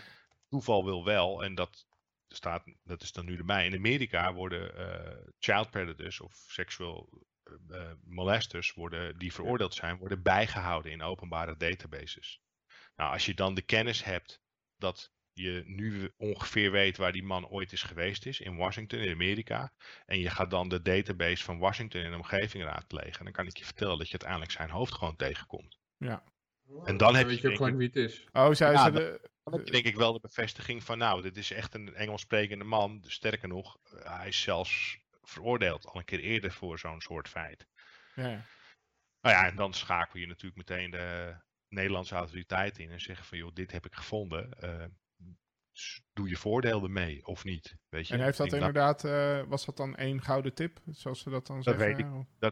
dat heb, ik- daar hoor je eigenlijk in die zin nooit meer wat van terug. Oh, ik dat is ik wel vertel jammer. gewoon van, joh, hey, jullie hebben een Amber Alert eruit gedaan. eh, dit heb ik gevonden. Ehm, Ja. Misschien is het hem, misschien is het hem niet. Ik weet, ik begreep wel uit de pers dat hij geloof ik ehm, met dat meisje in een hotel gepakt is de dag daarna of dezelfde dag, dag nog. Wel met de intentie om haar mee te nemen naar het buitenland. Dat begreep ik uit de media. Dus in die zin Ja. had het zomaar zijn dat ze misschien wel die kant op gingen. Ja, en wat, eh, wat jij helemaal aan het begin zei, hè, van eh, ja, ja, je, er komt een Amber Alert, jij, jij, jij raakt getriggerd van ja, ik, eh, ik moet eraan doen. Maar ik raak op zich ook wel getriggerd als ik een Amber Alert hoor. Alleen, ik denk van ja, wat kan ik doen nu, weet je wel? En, maar bij jou zit er natuurlijk bij dat ja, als, er foto, als er iemand dan foto's verspreidt, dat je denkt, nou, laat ik eens goed naar die foto's gaan kijken en zien of er iets Ja. eh, gebeurt.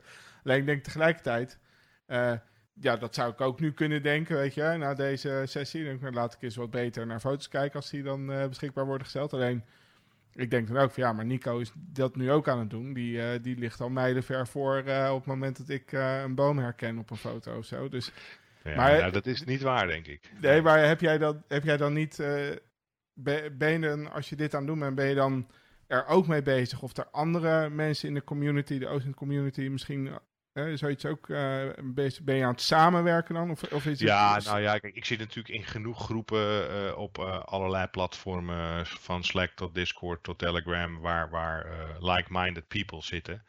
En Ja. als dit gebeurt, dan zie je wel dat die mensen elkaar allemaal weten te vinden. Dan wordt er gewoon, ik bedoel, je hebt vaak letterlijk gewoon een real-time channel. Dat heb je op al die platformen en er wordt gewoon gezegd, van, joh, dit is nu gaande. Eh, weet dat ik ermee bezig ben. Oh, ja, ja, of ja. dit, of laten we zoeken. Je ziet ook letterlijk dat mensen dan gewoon zeggen van oké, eh, zullen we even een rolverdeling maken? Jij gaat Ja, dit doen, jij gaat dit doen. Dat zie je wel gebeuren, ja. En werkt Moet dat? alleen, ja, ja, dat, eh, ja, niet altijd.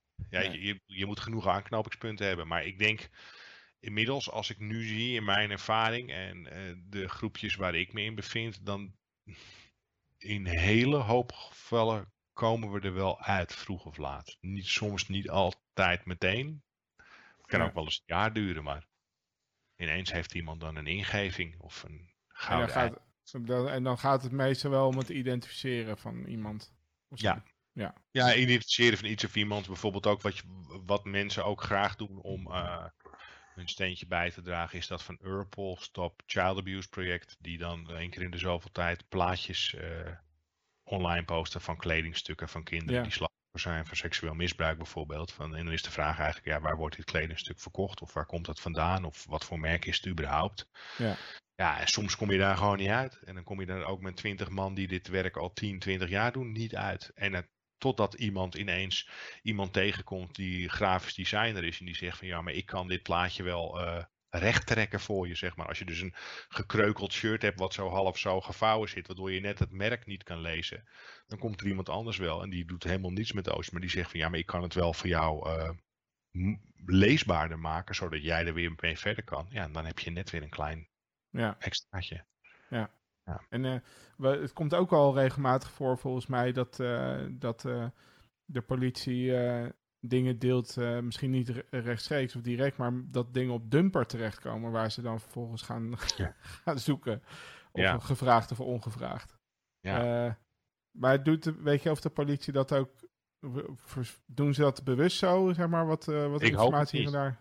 Nee? Nee, ik hoop het niet. Nee, nee ik, ik, ehm, ik, in mijn ervaring worden, eh, worden dingen die, waar je de hulp van het publiek mee wil, zeg maar, bij de politie, worden alleen maar bewust via eigen politiekanalen gedeeld. Of Ja. via programma's die we kennen als opsporing verzocht. En niet via dat soort platformen. Nee. Ik krijg wel af en toe de indruk dat ik denk, jeetje, dat is wel... Het zou zomaar kunnen dat er Ja. natuurlijk een, een agent is die overijverig is en een mailtje stuurt naar de Dumpert-redactie van joh, hier hebben we iemand die moet gezocht Ja, worden. Het kunnen Maar ja, natuurlijk... helemaal integer is, dat is een, een tweede. Ja. Maar met name waar het gaat om, eh, als er bijvoorbeeld een video is van een vechtpartij of zo, vooral kopschoppen is niet populair onder dumpert eh, publiek. Ja. Kopschoppen altijd min 1. Ja. Ehm, wat op zich een hele goede. Hè? Zelfs de hooligans hebben als regel, als je op de grond ligt, is het klaar. Dat Dus hebben we als, geleerd als hooligans dat al hebben, dan. eh, ja, dat hebben we net geleerd. Als hooligans dat al hebben, dan eh, zou iedereen het moeten. Ehm, en je ziet toch dat ze dat meer dan eens via geen stijl of dumpert. eh, dat uiteindelijk herleid wordt van hé, hey, dit zijn waarschijnlijk deze personen via Facebook. eh, Ja, maar dat is ook gewoon zijn- crowdsourcen. hè. Je- Dan heb je gewoon de kracht van de massa. Als ik kijk Ja. naar waar, het vandaan kwam. eh, ik zat in units waar eh, je met, nou ja, als je mazzel had, dan had je tien man voor een regio, eh, een hele politieregio, om open Mhm. bronnenwerk te Ja, dat is dus te weinig. Ja. Punt. Dat is gewoon te weinig om, om, om dat soort casussen aan te vliegen. Want er is elke dag wel zo'n casus. Dat iemand op een filmpje op een schoolplein op zijn kop geschopt wordt. Of weet ik veel wat. Ja, en daar kan je natuurlijk niet altijd wat mee. En als je dat dan kan sp- verspreiden onder een fanbase van eh 40.000 mensen die eh, elke dag eh, op Dumpert zitten te kijken. Ja, dan heb je gewoon de kracht van de massa. En daar maakt Bellingcat bijvoorbeeld natuurlijk ook heel erg gebruik van. Hè? Je, je, je, je zit, er zit natuurlijk een heel groot risico in. Want je kan natuurlijk ook op een vals spoor gezet worden. Want Ja. ja, als ik eh, de tegenstander was, dan zou ik misschien ook wel in zo'n groep me willen begeven. En misschien wel desinformatie willen verspreiden. Of de boel willen verstoren. Heb je wel eens, dat Ja. wel eens meegemaakt dat er een false flag eh, ergens eh, Ja, tuurlijk. aantrof? Ja. ja? Ja, natuurlijk. Dat, wordt, dat gebeurt sowieso. Eh, en, en zeker als je de wat gevoeligere onderzoeken doet, dan kan je ervan uitgaan dat bepaalde mensen er natuurlijk alle belang bij hebben, of bepaalde groepen alle belang bij hebben om niet gevonden te worden. En daar dus ehm, ja, verkeerde informatie verspreiden. Of informatie online zetten waarvan ze weten dat je daar heel lang mee bezig bent, zodat je relevante informatie niet kan vinden. Ja. Mm. Ja. Heb, je, heb je wel eens meegemaakt dat dat dan ook ertoe leidde dat, eh, dat die persoon daardoor, of dat je juist daardoor verder kwam? Wij hebben in het verleden wel gehad dat mensen eh, heel veel berichtjes stuurden en zo. En, eh, Mm. Gewoon om de boel een beetje af te leiden. En dat Ja. dat er juist toe leidde dat we veel meer informatie achterhaalden, omdat we dachten, hé, hey, wie ben jij dan? Ja, ja, nou ja, wat je zegt, het, het is soms, soms tweeledig. Ik, ik merkte in mijn, eh, in mijn tijd dat ik heel veel contra-terrorisme deed. Dat ik keek naar eh, eh, terroristen in Nederland. In de breedste zin Mhm. van het woord. Dat je zag dat bepaalde groepen er heel erg op uit waren om. eh, want die weten natuurlijk dat ze in, in de gaten gehouden worden door overheden, maar ook door eh, private bedrijven. Om dus dwaalsporen uit te zetten. Maar die werden zeg maar zo opvallend uitgezet. Dat je Dat juist uiteindelijk wist wie je aandacht moest trekt. volgen. Ja. En als dat steeds dezelfde soort fingerprint heeft, zeg maar, qua woordgebruik en qua dingetjes, dan gaat het op een gegeven moment, ga je letterlijk patronen zien. Ja. Ja, precies. Als elke keer de vlag van Oezbekistan eh, ergens wordt neergezet, dan ga je op een gegeven moment, dan weet je ook op een gegeven moment wie dat is. Zeg maar, Ja, snap je? Dus Ja. dat, ja, als je het doet, doe het dan goed of zo. Maar Ja. ja, dat lukt. Maar ja, dat gebeurt wel. Het- zou me ook trouwens teleurstellen als mensen dat niet zouden doen. Ik bedoel, als je wat Ja. te verbergen hebt, dan doe je dat wel goed. Ja, ik vond, eh, eh, ik heb dus laatst, eh, had ik dus nog nooit gedaan, maar de podcast van Darknet Diaries eh, een Ja, beetje zitten luisteren. En dan was eh, een vrij recent is die van de Olympic Destroyer. Dat ging dan over die malware eh, rondom, of tenminste malware, die hack eh, van eh, de Olympische Spelen. Eh, net bij de opening, dat in één keer alle, het hele netwerk eh, op zwart ging. Eh, en in dat onderzoek dat ze ook echt op onwijs veel dwaalsporen stuiten van wie er naar achter zat. En het uiteindelijk natuurlijk niet precies erachter gekomen zijn. Maar echt Nee, inderdaad maar is co- natuurlijk codebases uit China. gaat werken, die hebben ook iets andere budgetten over het algemeen. Ja. Eh, Ja. ja. Oh, Oké. Maar het Maar- darknet is sowieso wel. eh, het- ik- ik miste, dat is ook een mooie leerschool vaak, vind ik. Als je die hoort. Ten eerste, het luistert echt als een jongensboek, 9 van Ja. de 10. Ja. Maar je leert daar ook echt wel gave dingen bij. Ook van, van invalshoeken of hoe mensen soms op geniale wijze bij dingen komen. Eigenlijk per ongeluk, maar uiteindelijk is het best wel geniaal, weet je wel zo. Ja. Ja. Ja, het, het, het, het is hetzelfde soort ja, zoeken, eh, denk ik inderdaad, in code en zo naar, naar ja, soort van bewijzen of herkenbare zaken om, om iets uit, uiteindelijk toe te kunnen wijzen aan een bepaalde actor. Ja, laten we wel wezen, als je gewoon kijkt, als ik onderzoek doe naar malware of een red of een trojan, door middel open bronnen, dan kijk je natuurlijk ook naar code. Want een Ja. beetje co- codeklopper heeft gewoon zijn eigen signuur, signatuur in codekloppen. Wij kunnen alle drie hetzelfde Python scriptje of Java scriptje in elkaar flansen, maar we doen het allemaal volgens onze eigen eh ja, stijlformatting, zeg maar. Ja. Nou ja, als je dat een beetje kan doorgronden en st- vijf stukken code tegen elkaar eh, kan houden, kan je wel zeggen, nou, dit komt zeer waarschijnlijk van één en dezelfde persoon. Of het is kopieer-plakwerk van iemand anders code. Weet je Ja. wel zo. En, en dus volgende fase is inderdaad dat dus eh, doen om een valsvlek ergens te planten. Maar goed, dat was dus inderdaad Ja. daar eh, aan de orde. Precies. Ja. Niet dat geheimen verklappen. Nee, nee precies. nee, maar eh, ja, en volgens mij speelde dat toen ook een beetje in de tijd. eh, dat wa- was met WannaCry toch ook aan de hand. Dat ze er gewoon eigenlijk de. de die. eh ehm, eh, hoe heet het ook weer? Die, die hack tool van NSA hadden gebruikt. Eternal Blue. Ja, Eternal Blue om te verspreiden. Was het, leek, leek toen ook echt als een soort van lesje leren van eh, kijk, eh, Ja, ja, oh, jullie, jullie tools zijn gelekt en daar gaan we even eh, iedereen daar heel erg mee lastigvallen. beter goed gejat en zelf slecht verzonnen, Ja. zeg maar. ja. Ja. Oké, nou, en we hadden nog, ehm, dus terug naar de voorbeelden. Hadden nog één voorbeeld, dat is de laatste, dat ging over Syrië. Ja. Over een gevangenis. Ja. Deze was eigenlijk in samenwerking met, eh, met Air Wars. Die doen onderzoek naar oorlogsmisstanden. Nou ja, dat is iets waar ik eh, zelf echt heel lang heel diep in heb gezeten vanwege het counterterrorisme. Dus in die zin voelde ik me snel thuis in zo'n casus als dit. Maar de casus was eigenlijk, er, waren, er circuleerden eh, twee video's die kwamen van nou ja, semi-reguliere media in het Midden-Oosten, met name rond Syrië. Waarbij je eh, duidelijk zag dat er eh, een groep mannen gevangen werden gehouden tegen wil. En je ziet gewoon letterlijk de angst in hun ogen. En nou, die ma- mannen zijn nooit meer teruggevonden. Tot op heden zijn die nog steeds niet teruggevonden. Dus. Maar ja, de vraag is dan natuurlijk, waar zijn die video's gemaakt? Want dat is eigenlijk het laatste teken van leven van die groep mannen. Ehm, nou, hierbij kwam dus uiteindelijk ook wel weer een hint. Dat moet ik er dan wel weer bij zeggen. Ook weer iemand die dus zegt van joh, ik denk dat dit eh, eh, op een meisjesschool is in de provincie Marea. Maar de provincie Marea in Syrië is echt heel groot, zeg maar. Dus ehm, nou ja, dan ga je eerst die beelden weer bekijken. Het is eigenlijk een beetje hetzelfde scenario als wat we net deden met die hooligans. Je gaat kijken naar unieke referentiepunten. Wat kan ik zien in die beelden? Eh, wat ik kan gebruiken om misschien later wel op satellietmateriaal dat te verifiëren in die locatie. Maar, maar weet jij dan, diegene die, die dat veronderstelde dat het in mijn school was, was hij, was hij niet, kon hij niet specifieker daarmee zijn? Of was het niet mogelijk om met diegene in contact te komen daarover? Eh, nou, daar was op dat moment ehm, ehm, geen ruimte voor, voor mij en het team waar ik in zat om dat te doen. Maar eh, laat ik zo zeggen, ik, ik weet dat andere mensen, eh, ik weet bijvoorbeeld vanuit Bellingcat dat die bijvoorbeeld wel eens mensen vragen van, goh joh, je hebt een foto geplaatst. Ja, ja, en je weet zelf dat als je een foto maakt, dat je vaak drie of vier foto's maakt. Zeker als het iets heftigs is. Maar je Ja. gaat de mooiste zet je op je social media. Of, Dat je vraagt van, joh, mag die andere foto's ook zien? of waar was je toen je die foto maakte? Dat zou ook eens een goede vraag kunnen zijn, ja. Maar dit was, dit was duidelijk iemand die niet bij dat incident was. Dat merkte ik wel echt wel aan die opmerking, maar meer gewoon zo zei van, joh, ik herken dat, dat schoolplein, laat ik het zo maar zeggen. Ja, Misschien ja. heeft hij ooit wel op die school gezeten, weet jij veel. Ja. Dus daar gingen we zo mee. eh. En, daar- en andersom eh, heb ik ook één, in ieder geval één van de mensen kunnen identificeren die op die beelden stond. Omdat hij eh, hele unieke tatoeages had op zijn borstkas. En ehm, je zag in de beelden dat hij eh, eh, nou ja, half gemarteld was of al. Of ze- zijn foto's eruit gekerfd waren uit zijn borstkas.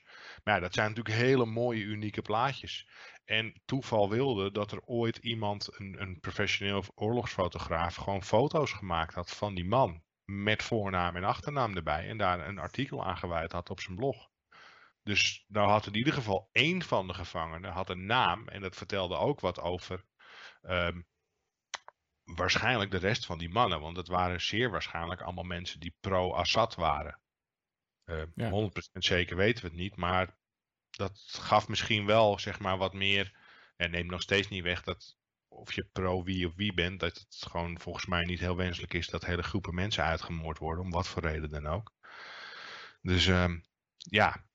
Dus zo kwam je erbij. In dit geval was het ook gewoon weer letterlijk een plaatje pakken uit de video, daar een screenshot van maken en dan omgekeerd gaan zoeken door reverse image search eh, te doen, wat je gewoon in eigenlijk in alle zoekmachines kunt doen, maar daar heb je ook gewoon hele mooie add-ons voor die je in je Firefox Chrome, Chrome browser en dan gaat hij gewoon kijken naar vergelijkbare plaatjes op basis Ja. van kleurstellingen.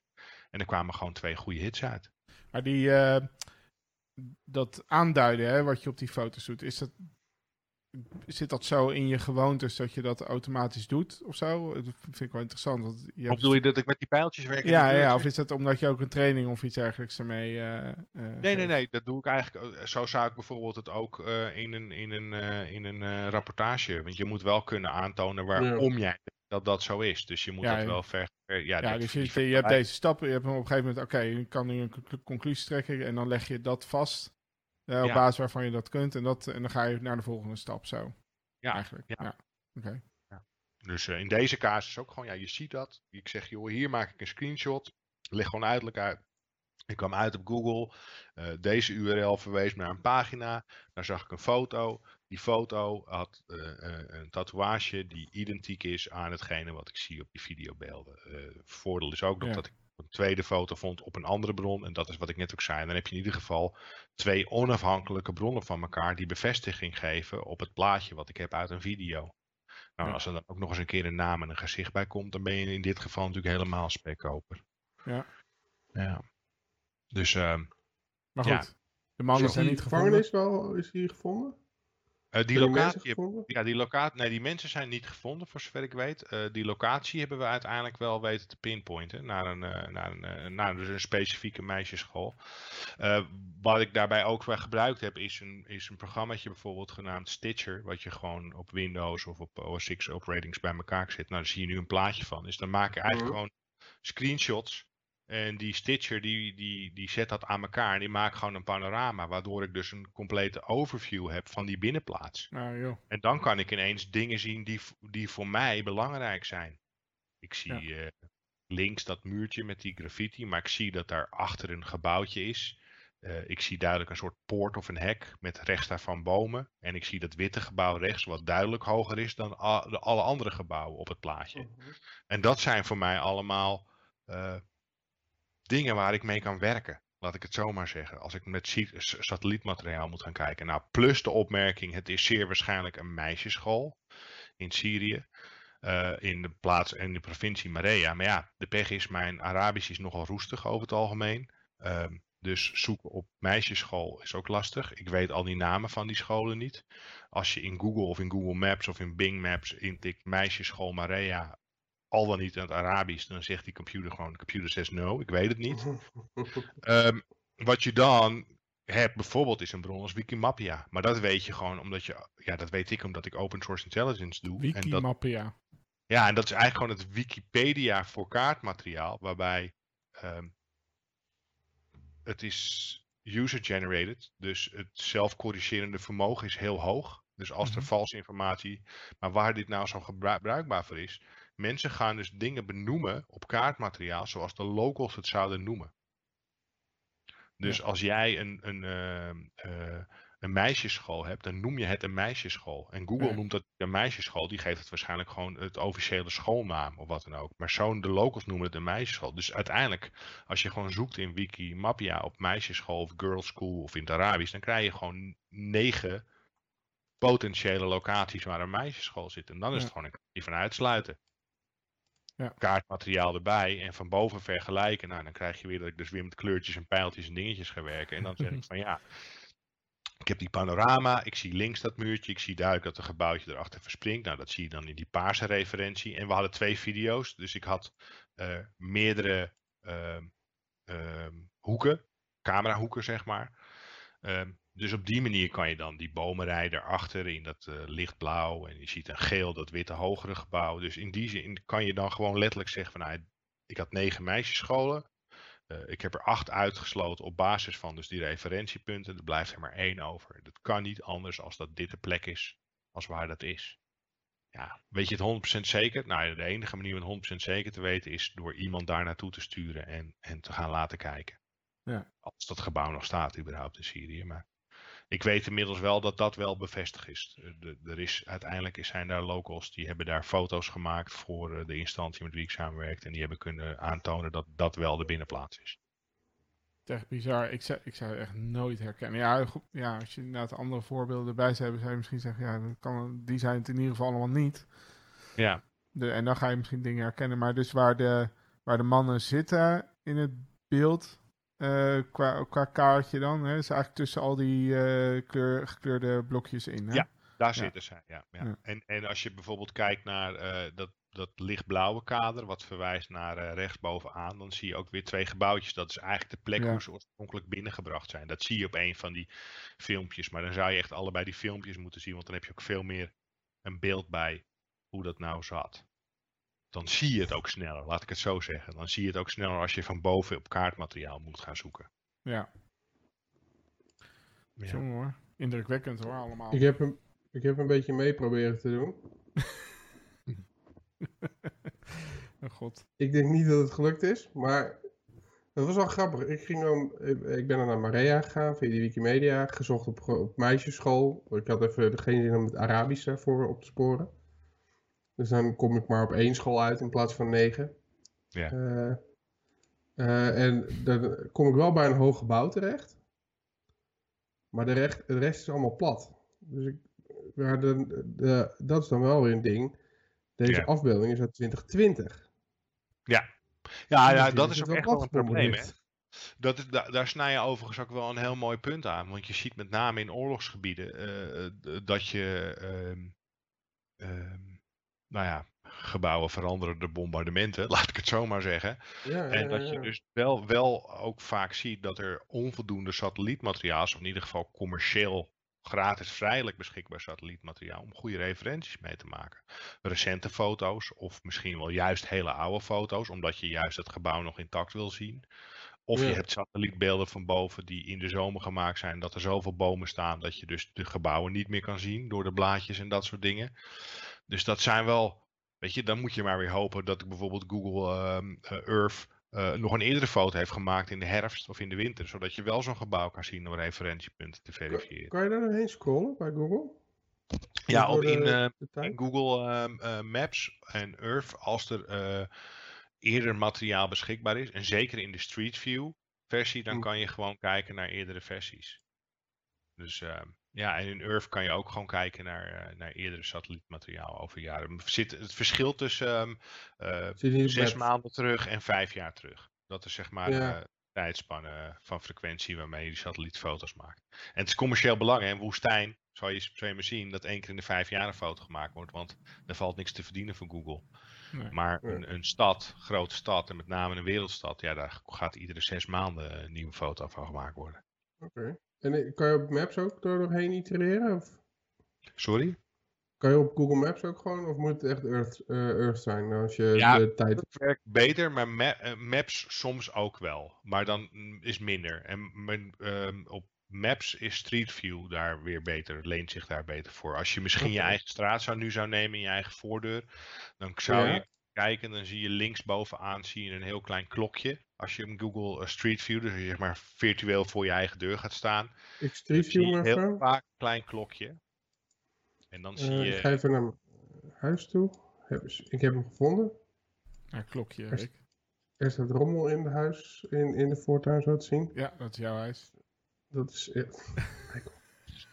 Eh, ik heb eh, geen klokje. Ik heb een kruisje. Ik heb een kompas. Inzoomen, uitzoomen. En een klein kaartje waar ik ben.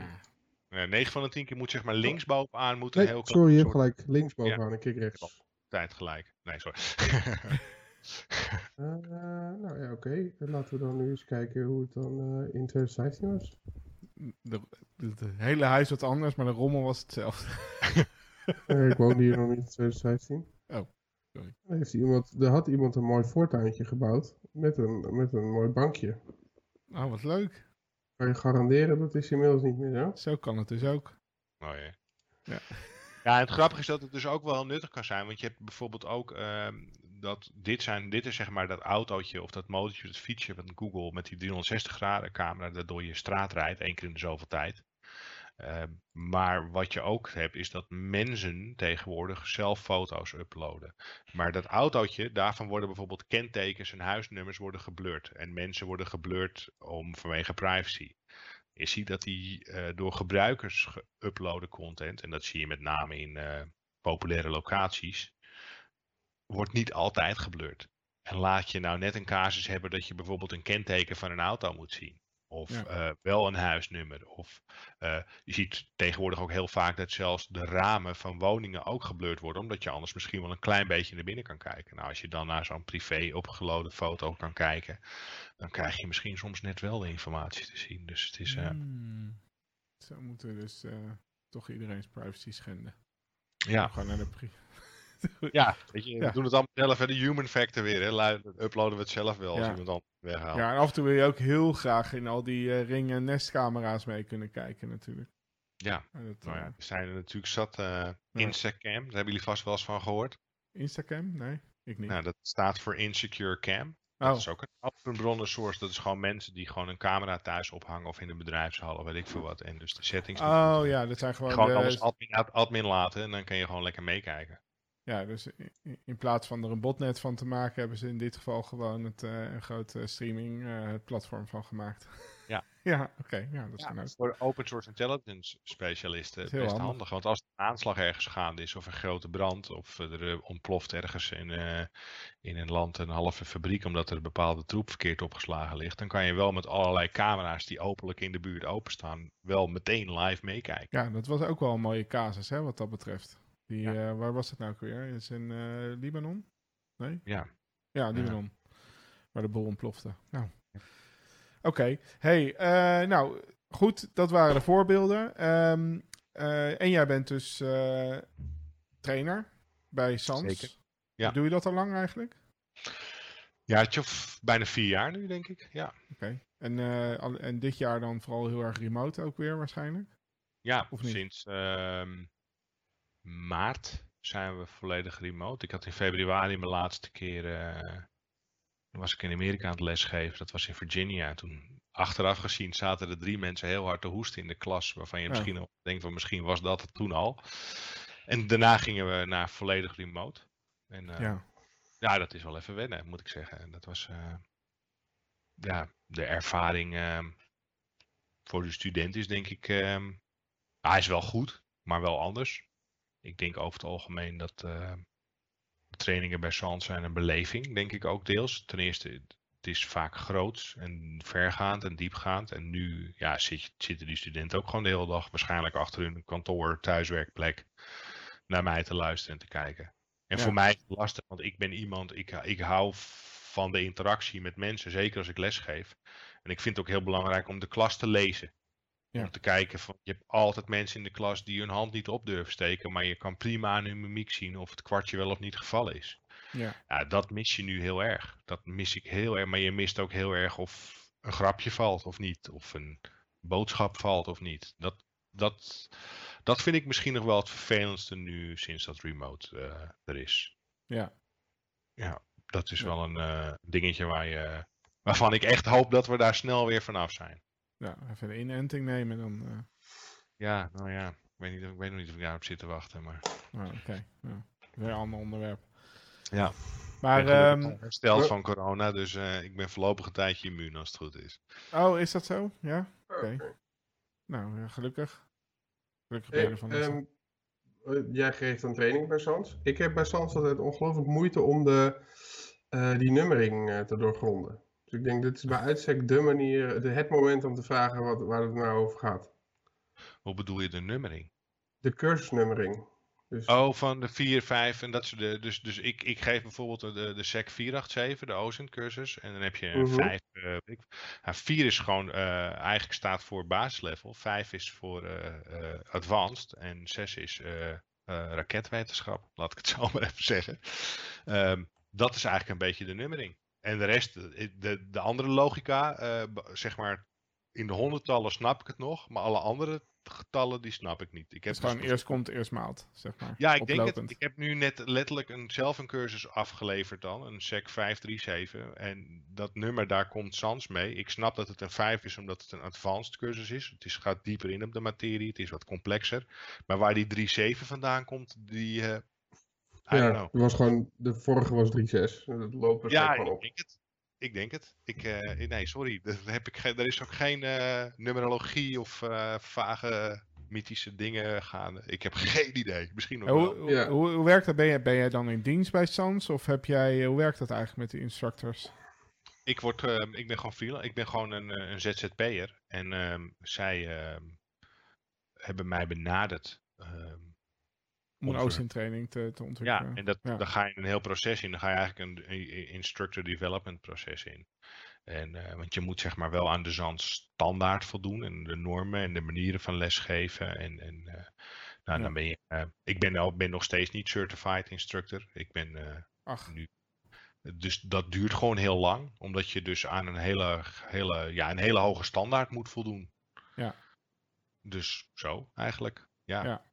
Oké, en dus je... Van, uh, voor, ja, een beetje kennen en gekend worden, denk ik. Zo kom je er een beetje bij. Mensen, je kan er ook... Uh, uh, ik weet ook dat studenten uitgenodigd worden die heel hoog scoren op de examens. Die krijgen dan de gelegenheid om, ja, om eerst in de klas te zitten en te kijken. En dan eens een keer te proberen. En dan langzaam wordt het wel of niet wat, zeg maar. Ja, ja, en jij, dus je doet het al een jaar of vier, zeg je. En dus een, een hele tijd die 487 was dat, hè, geloof ik? Ja, dat is basis uh, OSINT.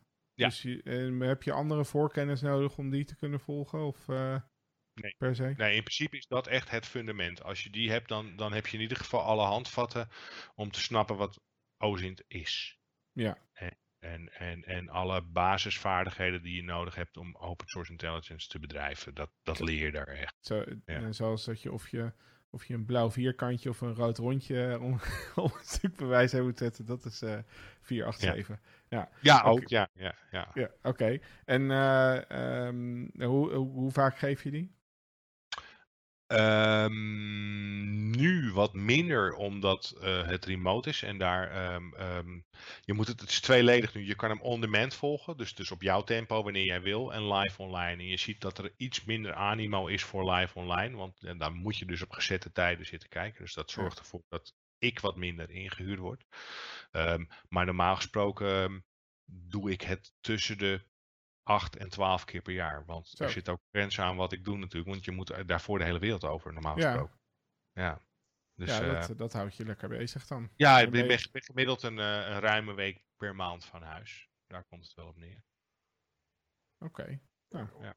En, en er komt dan nu nog een extra training bij. Dus dan, uh, ja, die zou je misschien minder frequent geven dan. Maar die komt er wel bovenop. Nog eens. Ja, nou ja, ik, ik ga dus in die zin zijn we nu op zoek om voor 487 andere instructeurs voor met name Europa. Want Amerika is wel gedekt qua hoeveelheid instructeurs. Maar in Europa is het gewoon schaarste. Dus daar uh, zijn we aan het kijken voor nieuwe instructeurs die uh, mij dan in die zin kunnen ontlasten. Want ik ben letterlijk de enige voor um, wat ze noemen MPEC. Dat is dus Europa, Midden-Oosten, Azië, dat soort gebied. Dat bestrijk ik nu nog voor 487, grotendeels. Zeker als het in person is. En dan komen er later wat andere mensen bij als alles goed gaat. Ja. En dus als je de basis hebt gehad en je gaat dan nu naar advanced, wat, wat, wat, waar moet ik dan ongeveer aan denken? Wat, wat voor dingen je dan leert? Um, ik, we gaan nu en uh, we hebben één volledige dag uh, Python coding. Dus echt alle basisprincipes van Python. Want je ziet met name in de Ocean community dat mensen heel erg graag Python willen leren. Snap ik ook wel, omdat het natuurlijk een, een relatief makkelijk te leren programmeertaal is. En die een programmeertaal waarvan ik nog altijd zeg, die lijkt op heel veel andere programmeertaal. Dus als je andermans code moet lezen, wat open source intelligence specialisten denk ik vaker doen dan zelf code schrijven, is het wel fijn om, om, om Python te leren lezen. Want dan kan je een hele hoop andere vormen van code ook wel redelijk goed doorgronden, denk ik. Ja. Nou, dat leren we in, nou ja, in een dag Python leren kan natuurlijk niet. Maar we leren in ieder geval alle basisprincipes. En daarbij een aantal uh, basisscripts die veel, veel voorkomen. Maar het is meer om je in de, in de state of mind te brengen van, joh, hey, als je nou het fundament van Python weet, dan weet je ook andermans code te interpreteren en te gebruiken en misschien wel her te gebruiken voor jouw doeleinden. Dat is een beetje de intentie. Ja. Dat is voor een hele hoop open source intelligence uh, mensen uh, best wel erg advanced. Want het zijn eigenlijk per definitie bijna nooit programmeurs. Um, en er is een andere dag die gaat volledig in op uh, browser opsec. Dus, want dat is waar ze het meeste van hun tijd aan doorbrengen in hun browser. En afscherming in zijn algemeenheid. En we gaan nog een deeltje in op ja, hoe je nou groepen kan vinden. Want dat is natuurlijk ook zo'n soort fenomeen wat erg interessant is de laatste tijd. Hoe kan je groepen identificeren op basis van wat? En image en video verification, eigenlijk een beetje waar we het net over hebben gehad. Dat wordt in het fundament 487, maar dan wordt het echt aangestipt. Dan zeg gewoon van joh, dit is de techniek. Uh, heb je een aantal handvatten. En in de 537 gaan we echt nou ja, bijna een halve dag in op ja, maar zo doe je het dan echt. Ja. Zo, hier moet je op letten. En hier die kan je, dan heb je ook echt veel meer uh, diepgaandere uh, hands-on opdrachten. Zo cool eigenlijk. Dat, en uiteindelijk uh, die 537 een zesdaagse cursus. Dus eigenlijk had hij al af moeten zijn. Uh, maar daar ben ik nu nog uh, in de tijd die ik bijna al niet heb, ben ik bezig om daar dus samen met twee andere auteurs nog een zesdaagse cursus van te maken. Sowieso. Oké, okay, maar het is wel eigenlijk geinig dat je bij alles waar je goed in moet worden op een gegeven moment in je leven er tegenaan loopt dat je eigenlijk Python moet leren. Ja. je komt het ja. wel steeds vaker eigenlijk in allerlei uh, contexten ja. tegen. Van ja, het is eigenlijk wel handig om dat te kunnen. Ja. ja. het is sowieso de, altijd handig. Uh, Python is gewoon, dat gaat een van de makkelijkere talen om veel data te parsen. Om even snel iets te automatiseren. Uh, dus ja, ik, ik, ik denk dat als je iets wil leren, dat, dat dat dan een heel goed idee is. Zeg maar. Ja, qua, qua ontwikkelen en snel kunnen werken. Ja. Ja. Hey, en weer, wat voor soort mensen komen naar de training? Is dat dan veel, veelal inderdaad opsporings... Uh... Ja. Ja, ja, weet je, SANS-cursussen zijn natuurlijk uh, voor Nederlandse begrippen niet echt bepaald goedkoop over het algemeen. Nee, uh, nee. Dus um, dat. Ik, en ik, ik begrijp ook inmiddels van andere SANS-instructeurs en ook van mensen dat het ook deels bewust is, omdat je daarmee dus ook een bepaalde doelgroepen buiten de deur houdt. Mm -hmm. um, maar ik zie veel overheden, veel politie, uh, dat soort dingen. Um, um, de grotere bedrijven die, uh, nou ja, Booking.com, uh, Shells, de Heinekens, weet je, dat soort bedrijven moet je dan aan denken. Ja, dus, zie, dus dat, dat was hè, op, op het punt helemaal aan het begin dat ik denk van ja, volgens mij moeten bedrijven langzamerhand ook gewoon hun eigen ja, OSINT-operatie ongeveer ja. uh, gaan draaien. Maar dat, dat gebeurt op de, echt bij de grote corporates. Dus ja. al, uh, al wel. Uh, ja, nou moet ik wel zeggen dat ik daarvan, wat ik, wat ik zie, en ik weet niet hoe dat is bij andere SANS cursussen, want ze hebben natuurlijk een heel palet aan dingen, dat ik vind dat daar in Europa nog wel een beetje achterblijft. Ja, en, en wat, wat zou jij zeggen? bedrijven, laat ik, laat ik het zo zeggen dan. Wat, wat, wat voor soort onderzoek denk je dat eigenlijk structureel zou moeten gebeuren vanuit uh, bedrijven? Nou ja, ik denk dat je sowieso je, je eigen uh, infrastructuur en je eigen hele hebben en houden moet willen monitoren in open bronnen. Uh, breaches wil je monitoren in open bronnen. Um, dus gewoon data die gelekt is. Jou, jouw ja, data die ergens. Jouw data die gelekt is, reputatieschade, concurrentie ik denk dat je ook de concurrentie prima, prima met uh, open source intelligence kan uh, monitoren. Wat voor nieuwe producten komen op de markt, wanneer kunnen we daarop anticiperen, dat soort dingen. Daar heb je, ja, maar ook je personeel. In die zin zou je misschien ook nog wel. Uh, ja, voordat maar je, dat, dat, voordat je dat, aanneemt, misschien even kijken of die cv wel helemaal matcht met het online beeld en dat soort ja, dingen. op zo'n manier. Ja. Dus de HR-afdeling zou ook uh, een beetje oost in Ja, maar andersom ook. Weet je, ik zou ook kunnen denken, als jij, uh, noem maar wat, je hebt een bedrijf met 2000 medewerkers en er is er ineens iemand die komt al drie dagen niet op, op, uh, niet opdagen en die, die heeft zich niet ziek gemeld, dan zou je natuurlijk ook open bronnen kunnen gebruiken om te kijken of hij überhaupt nog een teken van leven heeft vertoond in die drie dagen en dat soort dingen. Ja. Dat Ja. zijn natuurlijk ook dingen die wel gebeuren. Niet veel, maar gebeurt wel door bedrijven. En als het gaat om die gestolen data, hè, dat zat ik, eh, zat ik over na te denken van, is het ehm, te doen op een, op, op een bepaalde manier om te zorgen dat je data zo geoormerkt is, of is ergens dat mocht het een keer lekken, dat je het dan daarna makkelijk kan herkennen? Want dat lijkt me het, grootste probleem, van hoe ga je in die grote, grote buitenwereld nou herkennen dat het jouw data is die ergens rond eh, slingert? Ja, dat is ook lastig. Ik zie natuurlijk veel dat user credentials zijn. Dus eh, dat soort dingen, die kan je natuurlijk relatief goed monitoren. Omdat je, dat, dat zijn gewoon vaste gegevens. Ja. Maar als jij een, eh, ik voor wat, een, een jaarverslag of een bepaalde vergadering hebt. Ja, dat is lastig monitoren. Dan moet je Ja. al heel specifieke keywords hebben waarvan jij zeker wil weten, hey, als deze op het net ergens verschijnen, dan wil ik dat er een alarmbelletje gaat ringen. Ja, maar het zijn ook vooral, ik denk waar de meeste schade door ontstaat, het zijn ook vooral user credentials. Hè? Tenminste, daar is Ja. het meeste handel in en dat soort eh, zaken. Dus Ja, Ja. en je ziet heel veel intellectueel eigendom onderzoeken hè, door grote bedrijven die je wel ziet. Eh, je ziet bijvoorbeeld dat met name eh, landen als Iran er een sport van maken om bijvoorbeeld van een Nederlandse universiteiten informatie te jatten en die vervolgens op allerlei fora voor niks aan te bieden. Nou daar hebben Oh, ja? natuurlijk partijen hier belang bij om, om A, ervan te weten. Wat, wat staat er daarvan online en bij wie? En is er een mogelijkheid voor notice en takedown bijvoorbeeld? Dat soort dingen. Dat, dat, ja, dat zie je ook wel heel erg. Ik denk dat het best wel lastig is. eh, want wat je zegt, ik denk dat je gelijk hebt hoor. Qua wat bedrijven zouden moeten doen en meer aandacht aan kunnen besteden. Ehm, maar als je, ik denk dat dat echt wel beperkt is tot eh, de grotere bedrijven die, die Ja. de budgetten hebben. Want eh, ja, de meesten hebben al moeite om het systeem weer met regelmaat te laten patchen. Laat staan dat, eh, Ja. dat je gaat kijken wat er allemaal op, uh, op Pastebin van jou gedeeld wordt. Ik noem maar wat. Ja, dat is niet te doen. Dat is niet te doen. Nee. Nee. Nee. Ik denk alleen wel dat, dat eh, ook bijvoorbeeld ook, eh, daar een grote rol weggelegd ligt voor de softwareontwikkelaar zelf. Om gewoon eh, mandatory dingen twee-factor authenticatie te maken. Mandatory dingen te hashen of in ieder geval te encrypten. Weet je, dat soort dingen. Er zijn natuurlijk genoeg pakketten en platformen die nog steeds niet geëncrypt wachtwoorden opslaan.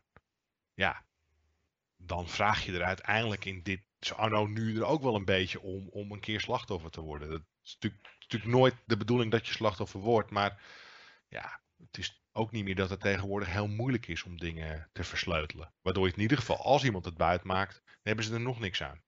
Nee, nee, nee, ik, snap precies wat je bedoelt. Je hebt ook wel gelijk hoor. Ehm, maar ik denk dat, dat het voor veel bedrijven gewoon nog steeds niet iets is wat ze, waar ze überhaupt over nadenken. Nee, nee, nee, zeker niet. Nee, ik, Nee, nee. wordt. En, en eh, dan loop je ineens eh, in een eh, casus, dat gebeurt ons dan ineens aan tegen een, gewoon een applicatie die gewoon ja, heel lang geleden eens een keer gebouwd is. En er zijn inmiddels op zich prima alternatieven in de zin van database structuren, weet je, waardoor zaken ja, eigenlijk mandatory of automatisch veiliger zijn. Ja. Maar eer dat die hele installed base, zeg maar, van wat er nu op het internet draait en beschikbaar is, gemigreerd Ja. is naar dat soort veilige dingen, dat, dat is de volgende stap. Ja, Dat zeker. echt verschrikkelijk lang. Ja. En ik vraag me ook wel eens ook gewoon af, want laten we wel wezen, een hele hoop bedrijven die eh, gehackt worden. Waarom hangt die shit überhaupt aan het internet? Ja, In een hoop gevallen. Waarom Ja. hangen die databases aan het internet? Überhaupt. Dat is 9 van de 10 keer helemaal niet nodig. nee. Ja, Ja. dat is natuurlijk, eh, iedereen heeft het maar over de cloud. Maar de cloud is natuurlijk gewoon iemand anders een computer. Die hoef je niet altijd eh, te gebruiken. Nou, je hebt ook eh, Cloud Sync, dat is ook heel erg ingewikkeld. Wij, ah, on- wij ondervonden. Je hebt- als je iets in de cloud zet, dan denk je van nou, het staat nu in de cloud. Maar dan moet je eigenlijk even wachten, want voordat het in, er zijn namelijk heel veel clouds. Dus het moet eigenlijk een soort van synchroniseren voordat het daar echt staat. Dus je hebt eigenlijk gezegd van ik upload nu iets. Dan heb je daarna een soort van fase van Twilight Zone, Ja. waarin het wel of niet bestaat. Wel Mooi, en niet bestaat. Het is Ja. Wel en niet ding. bestaat. Ja. ja, klopt. Dat is het. Ja. Dus Ja. eh, Oh, dus in die eye op the observer is het dan, eh, daar gaat het dan om. Nou, Maar- het is wel, daar heb ik nog een mooi voorbeeldje van. Ik was dus eh, we zijn heel hyper, hypermodern al met Office 365 bezig de hele tijd. Eh, en toen dacht ik, nou weet je wat, Eh, ik ehm, moest een, een mailregel aanmaken. Dus ik denk, nou ik maak die mailregel aan en vervolgens vraag ik diezelfde mailregel op. Want dan kan ik zien of die wel aangemaakt is. En dan maakte hij hem aan en dan, zei hij, ja is gelukt. En dan zei hij, oké, dan haal hem dan nu op. En dan zei hij, bestaat niet. en toen dacht ik, hè? Hij was hem nog even aan het verwerken. Ja, dat is het dus. Dan moet je een sleep inbouwen van 10 seconden. En dan, eh, ja, Ja, geniaal. Ja, mooi is dat, hè? Ja, er zijn ja dat soort dingen. Maar ik, ehm wat hadden we het nou voor cloud? Voor de Cloud Sync. Cloud Sync was ik gelijk weer helemaal, eh, is, is gelijk mijn, mijn puntje. nou, waarom staan dingen aan het internet verbonden? Oh, dat, ja, ja, ja. Eh, maar dat is eh, omdat asset, het management van die assets is echt zo, ah, zo lastig. En ehm, dat, dat heeft er gewoon mee te maken dat, ik merk het nu met onszelf, dat we, we zijn heel druk bezig met een eh, dienst en we hebben ondertussen nog allemaal andere dingen die we ook aan het ontwikkelen zijn. Ehm, en het, het is zo makkelijk om even snel wat te maken. Ja. Ehm, en het is zo moeilijk om het allemaal te onderhouden. Ja, absoluut. Ja. Eh, en ik denk dat we op dit moment eh, in, een, in een, en dat is voor alle bedrijven in de hele wereld denk ik, in een situatie zitten waarbij ehm, dingen zijn zo goedkoop en zo makkelijk allemaal. Eh, maar dat komt omdat we gewoon totaal niet bereid zijn om het te onderhouden. Dus het, het, creëren, dat is prima. Dat kost, eh, ik noem maar wat, 1000 euro. Eh, maar het onderhouden, dat is vele malen duurder natuurlijk. Goed, tegen de tijd dat het niet meer werkt, dan koop je een nieuwe. Zeg maar. Ja, ja. Ja. Ja, maar goed, hè. Ik bedoel, uiteindelijk zie je toch dat, eh, eh, dat, dat er dan een bedrijf kan vaak één of een halve systeembeheerder aannemen. En die, die moet dan eh, van, de, van de mail tot, tot de printers, tot de NAS, tot de backup oplossing, alles moet beheerd worden. Wachtwoord vergeten.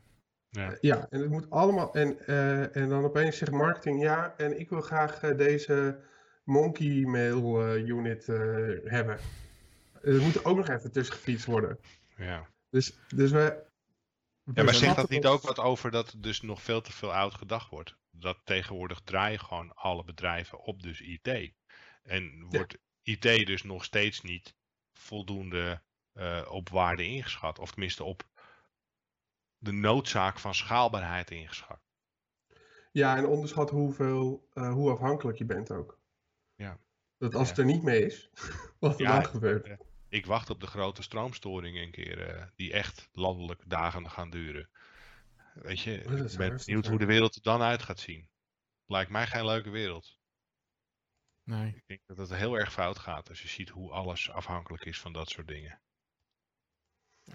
Een beetje preppen. Een beetje, een Mm. beetje blikken met bonen inslaan. En Ja, maar ja, dan, dan zit jij daar met je aggregaat. En de hele wereld is plat. En jij zit van, ja, mijn laptop doet het nog. Maar niks Ja, we hebben in ieder geval genoeg, voldoende toiletpapier in huis staan allemaal, toch? Ah, nou. Ik heb, ik heb, ik had op een gegeven moment eh, voelde ik me bezwaard om dan toiletpapier te gaan kopen. Dus dan had ik juist heel weinig.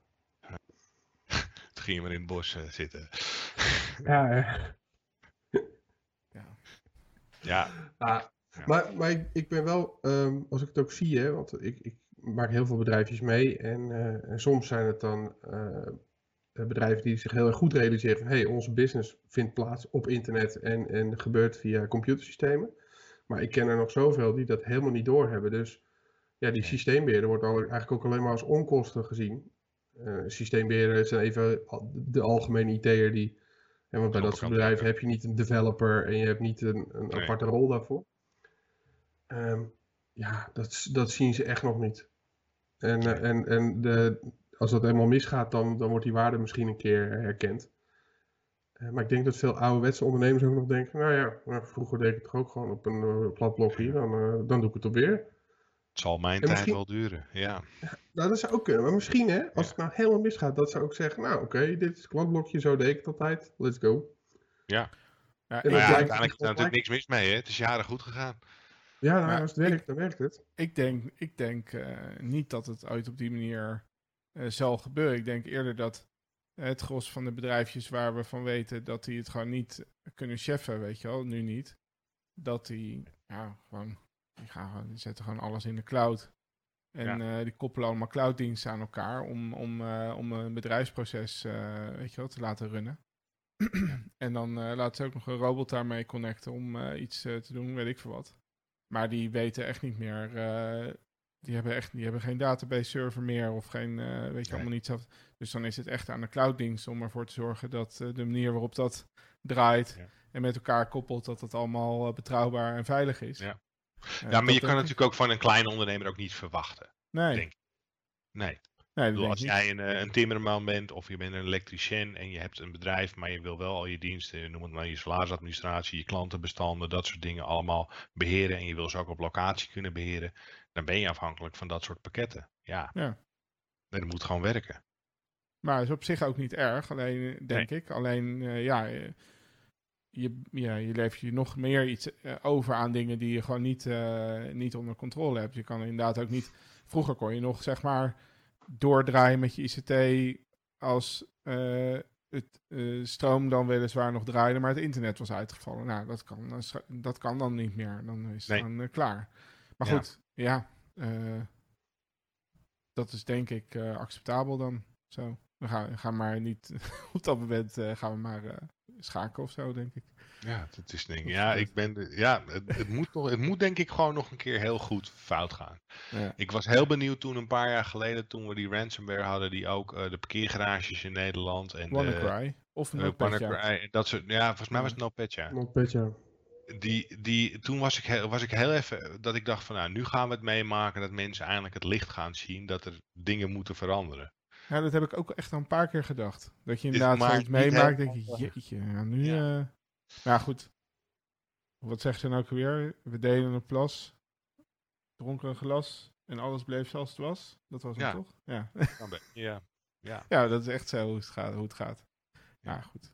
Hey, ehm, en tot slot, eh, eh, ik, ik zie je ook eh, in jouw profiel Curi- Curious eh, voorbij komen. Dat is volgens mij ook eh, iets Ja. van een podcast-achtig webcast. Ja, ja, het is eigenlijk een, eh, een, ehm, ehm, collectief van. nou, ik zeg stil hoe het begonnen is.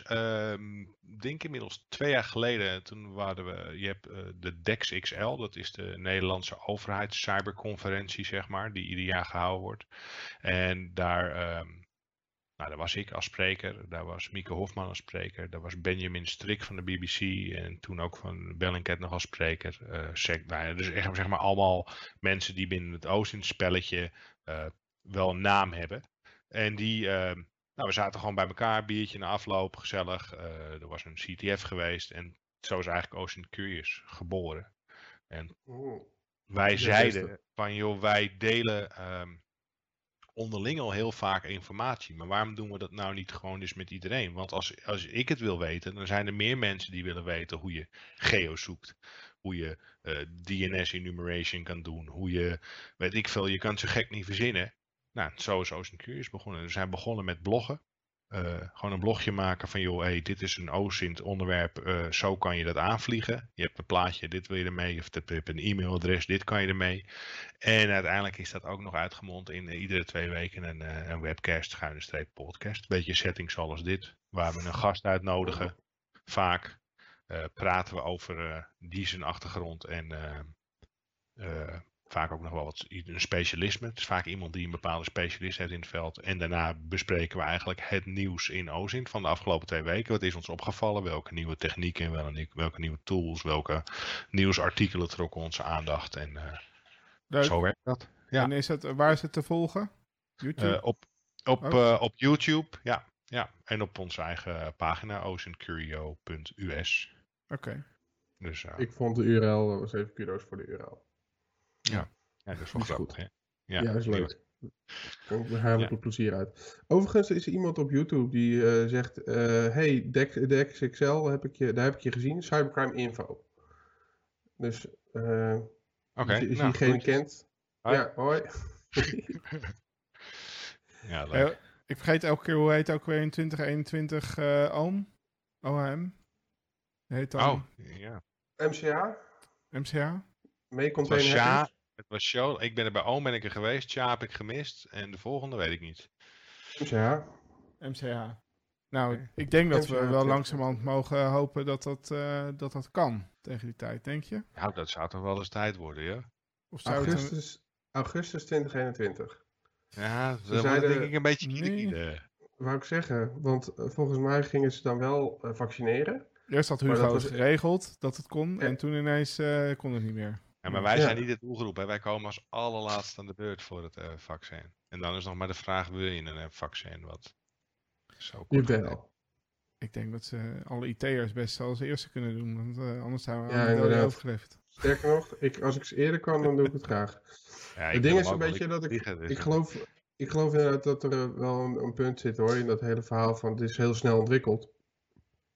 Dus wil je dat hebben. Eh, maar tegelijkertijd, eh, eh, ja, weet je wel, het- het- ze doen het ook niet voor niets.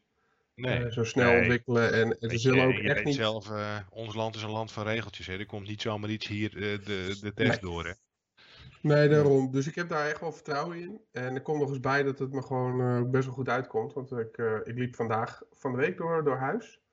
En toen dacht ik, eh, want ik werk, ik werk al heel lang vanuit huis en dat, dat bevalt prima. Toen dacht ik op een gegeven moment, nou, ik wil eigenlijk wel een bakkie doen ergens gewoon. Dus ik zat ook te denken van, er zijn nog wel een aantal andere jongens die soort rond dezelfde tijd ook allemaal bedrijven zijn gestart. Dan kan ik daar dan niet een bakkie gaan doen? Maar ja, dat is natuurlijk niet de bedoeling. Nee. Ehm, maar dat eh, begon te, te jeuken, dus ik, eh, ik wil wel. Ja. Ehm, maar je hebt wel gelijk, ja, ik bedoel, er zijn een hele hoop dingen waar we uiteindelijk lange termijn effecten niet van weten. Ehm, Nee. Maar ik, eh, ik heb goede hoop. Dus Ja, YOLO. nou ja, ik ook. Nou ja, dat ook, weet je. En eh, voor mij is het ook gewoon een simpel. Voor mijn werk, ik moet de wereld rondvliegen. Dus eh, volgens mij kom ik straks geen vliegtuig in als ik geen vaccin eh, in mijn barst heb zitten. Het zou zomaar kunnen, ja. Het Je zou kan wel weer in de kunnen. 737 MAX. Dat is wel eh, geregeld ondertussen. Ja. Dat is prettig. Nou, die mag weer vliegen. Ja, ze hebben de software opnieuw gekalibreerd en nu kunnen we in.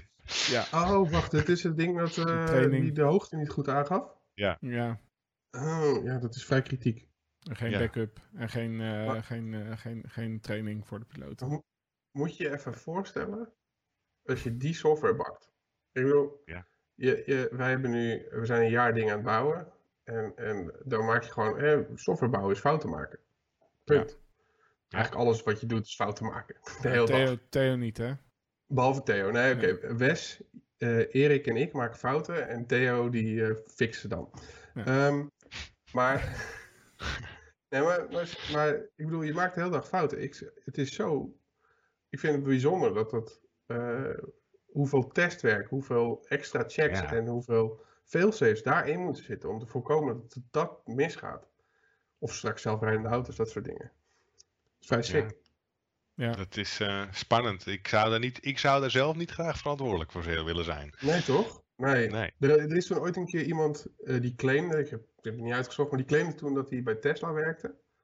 Eh, en dat hij dus, die ging, eh, die, die was dev daar. En die was dus een beetje aan het vertellen hoe dat ging met de ontwikkelstraat en, het, eh, en de software. En dat ze dan op een gegeven moment een foutje hadden gemaakt en werden in één keer beta-code gepusht naar alle Tesla's eh, s s'nachts. Oh, Eh, en, en die had daar hele verhalen over. En toen dacht ik alleen maar, tering, mensen die gaan slapen in die auto's. het zijn gewoon mensenlevens hè, waar je mee speelt. Ja.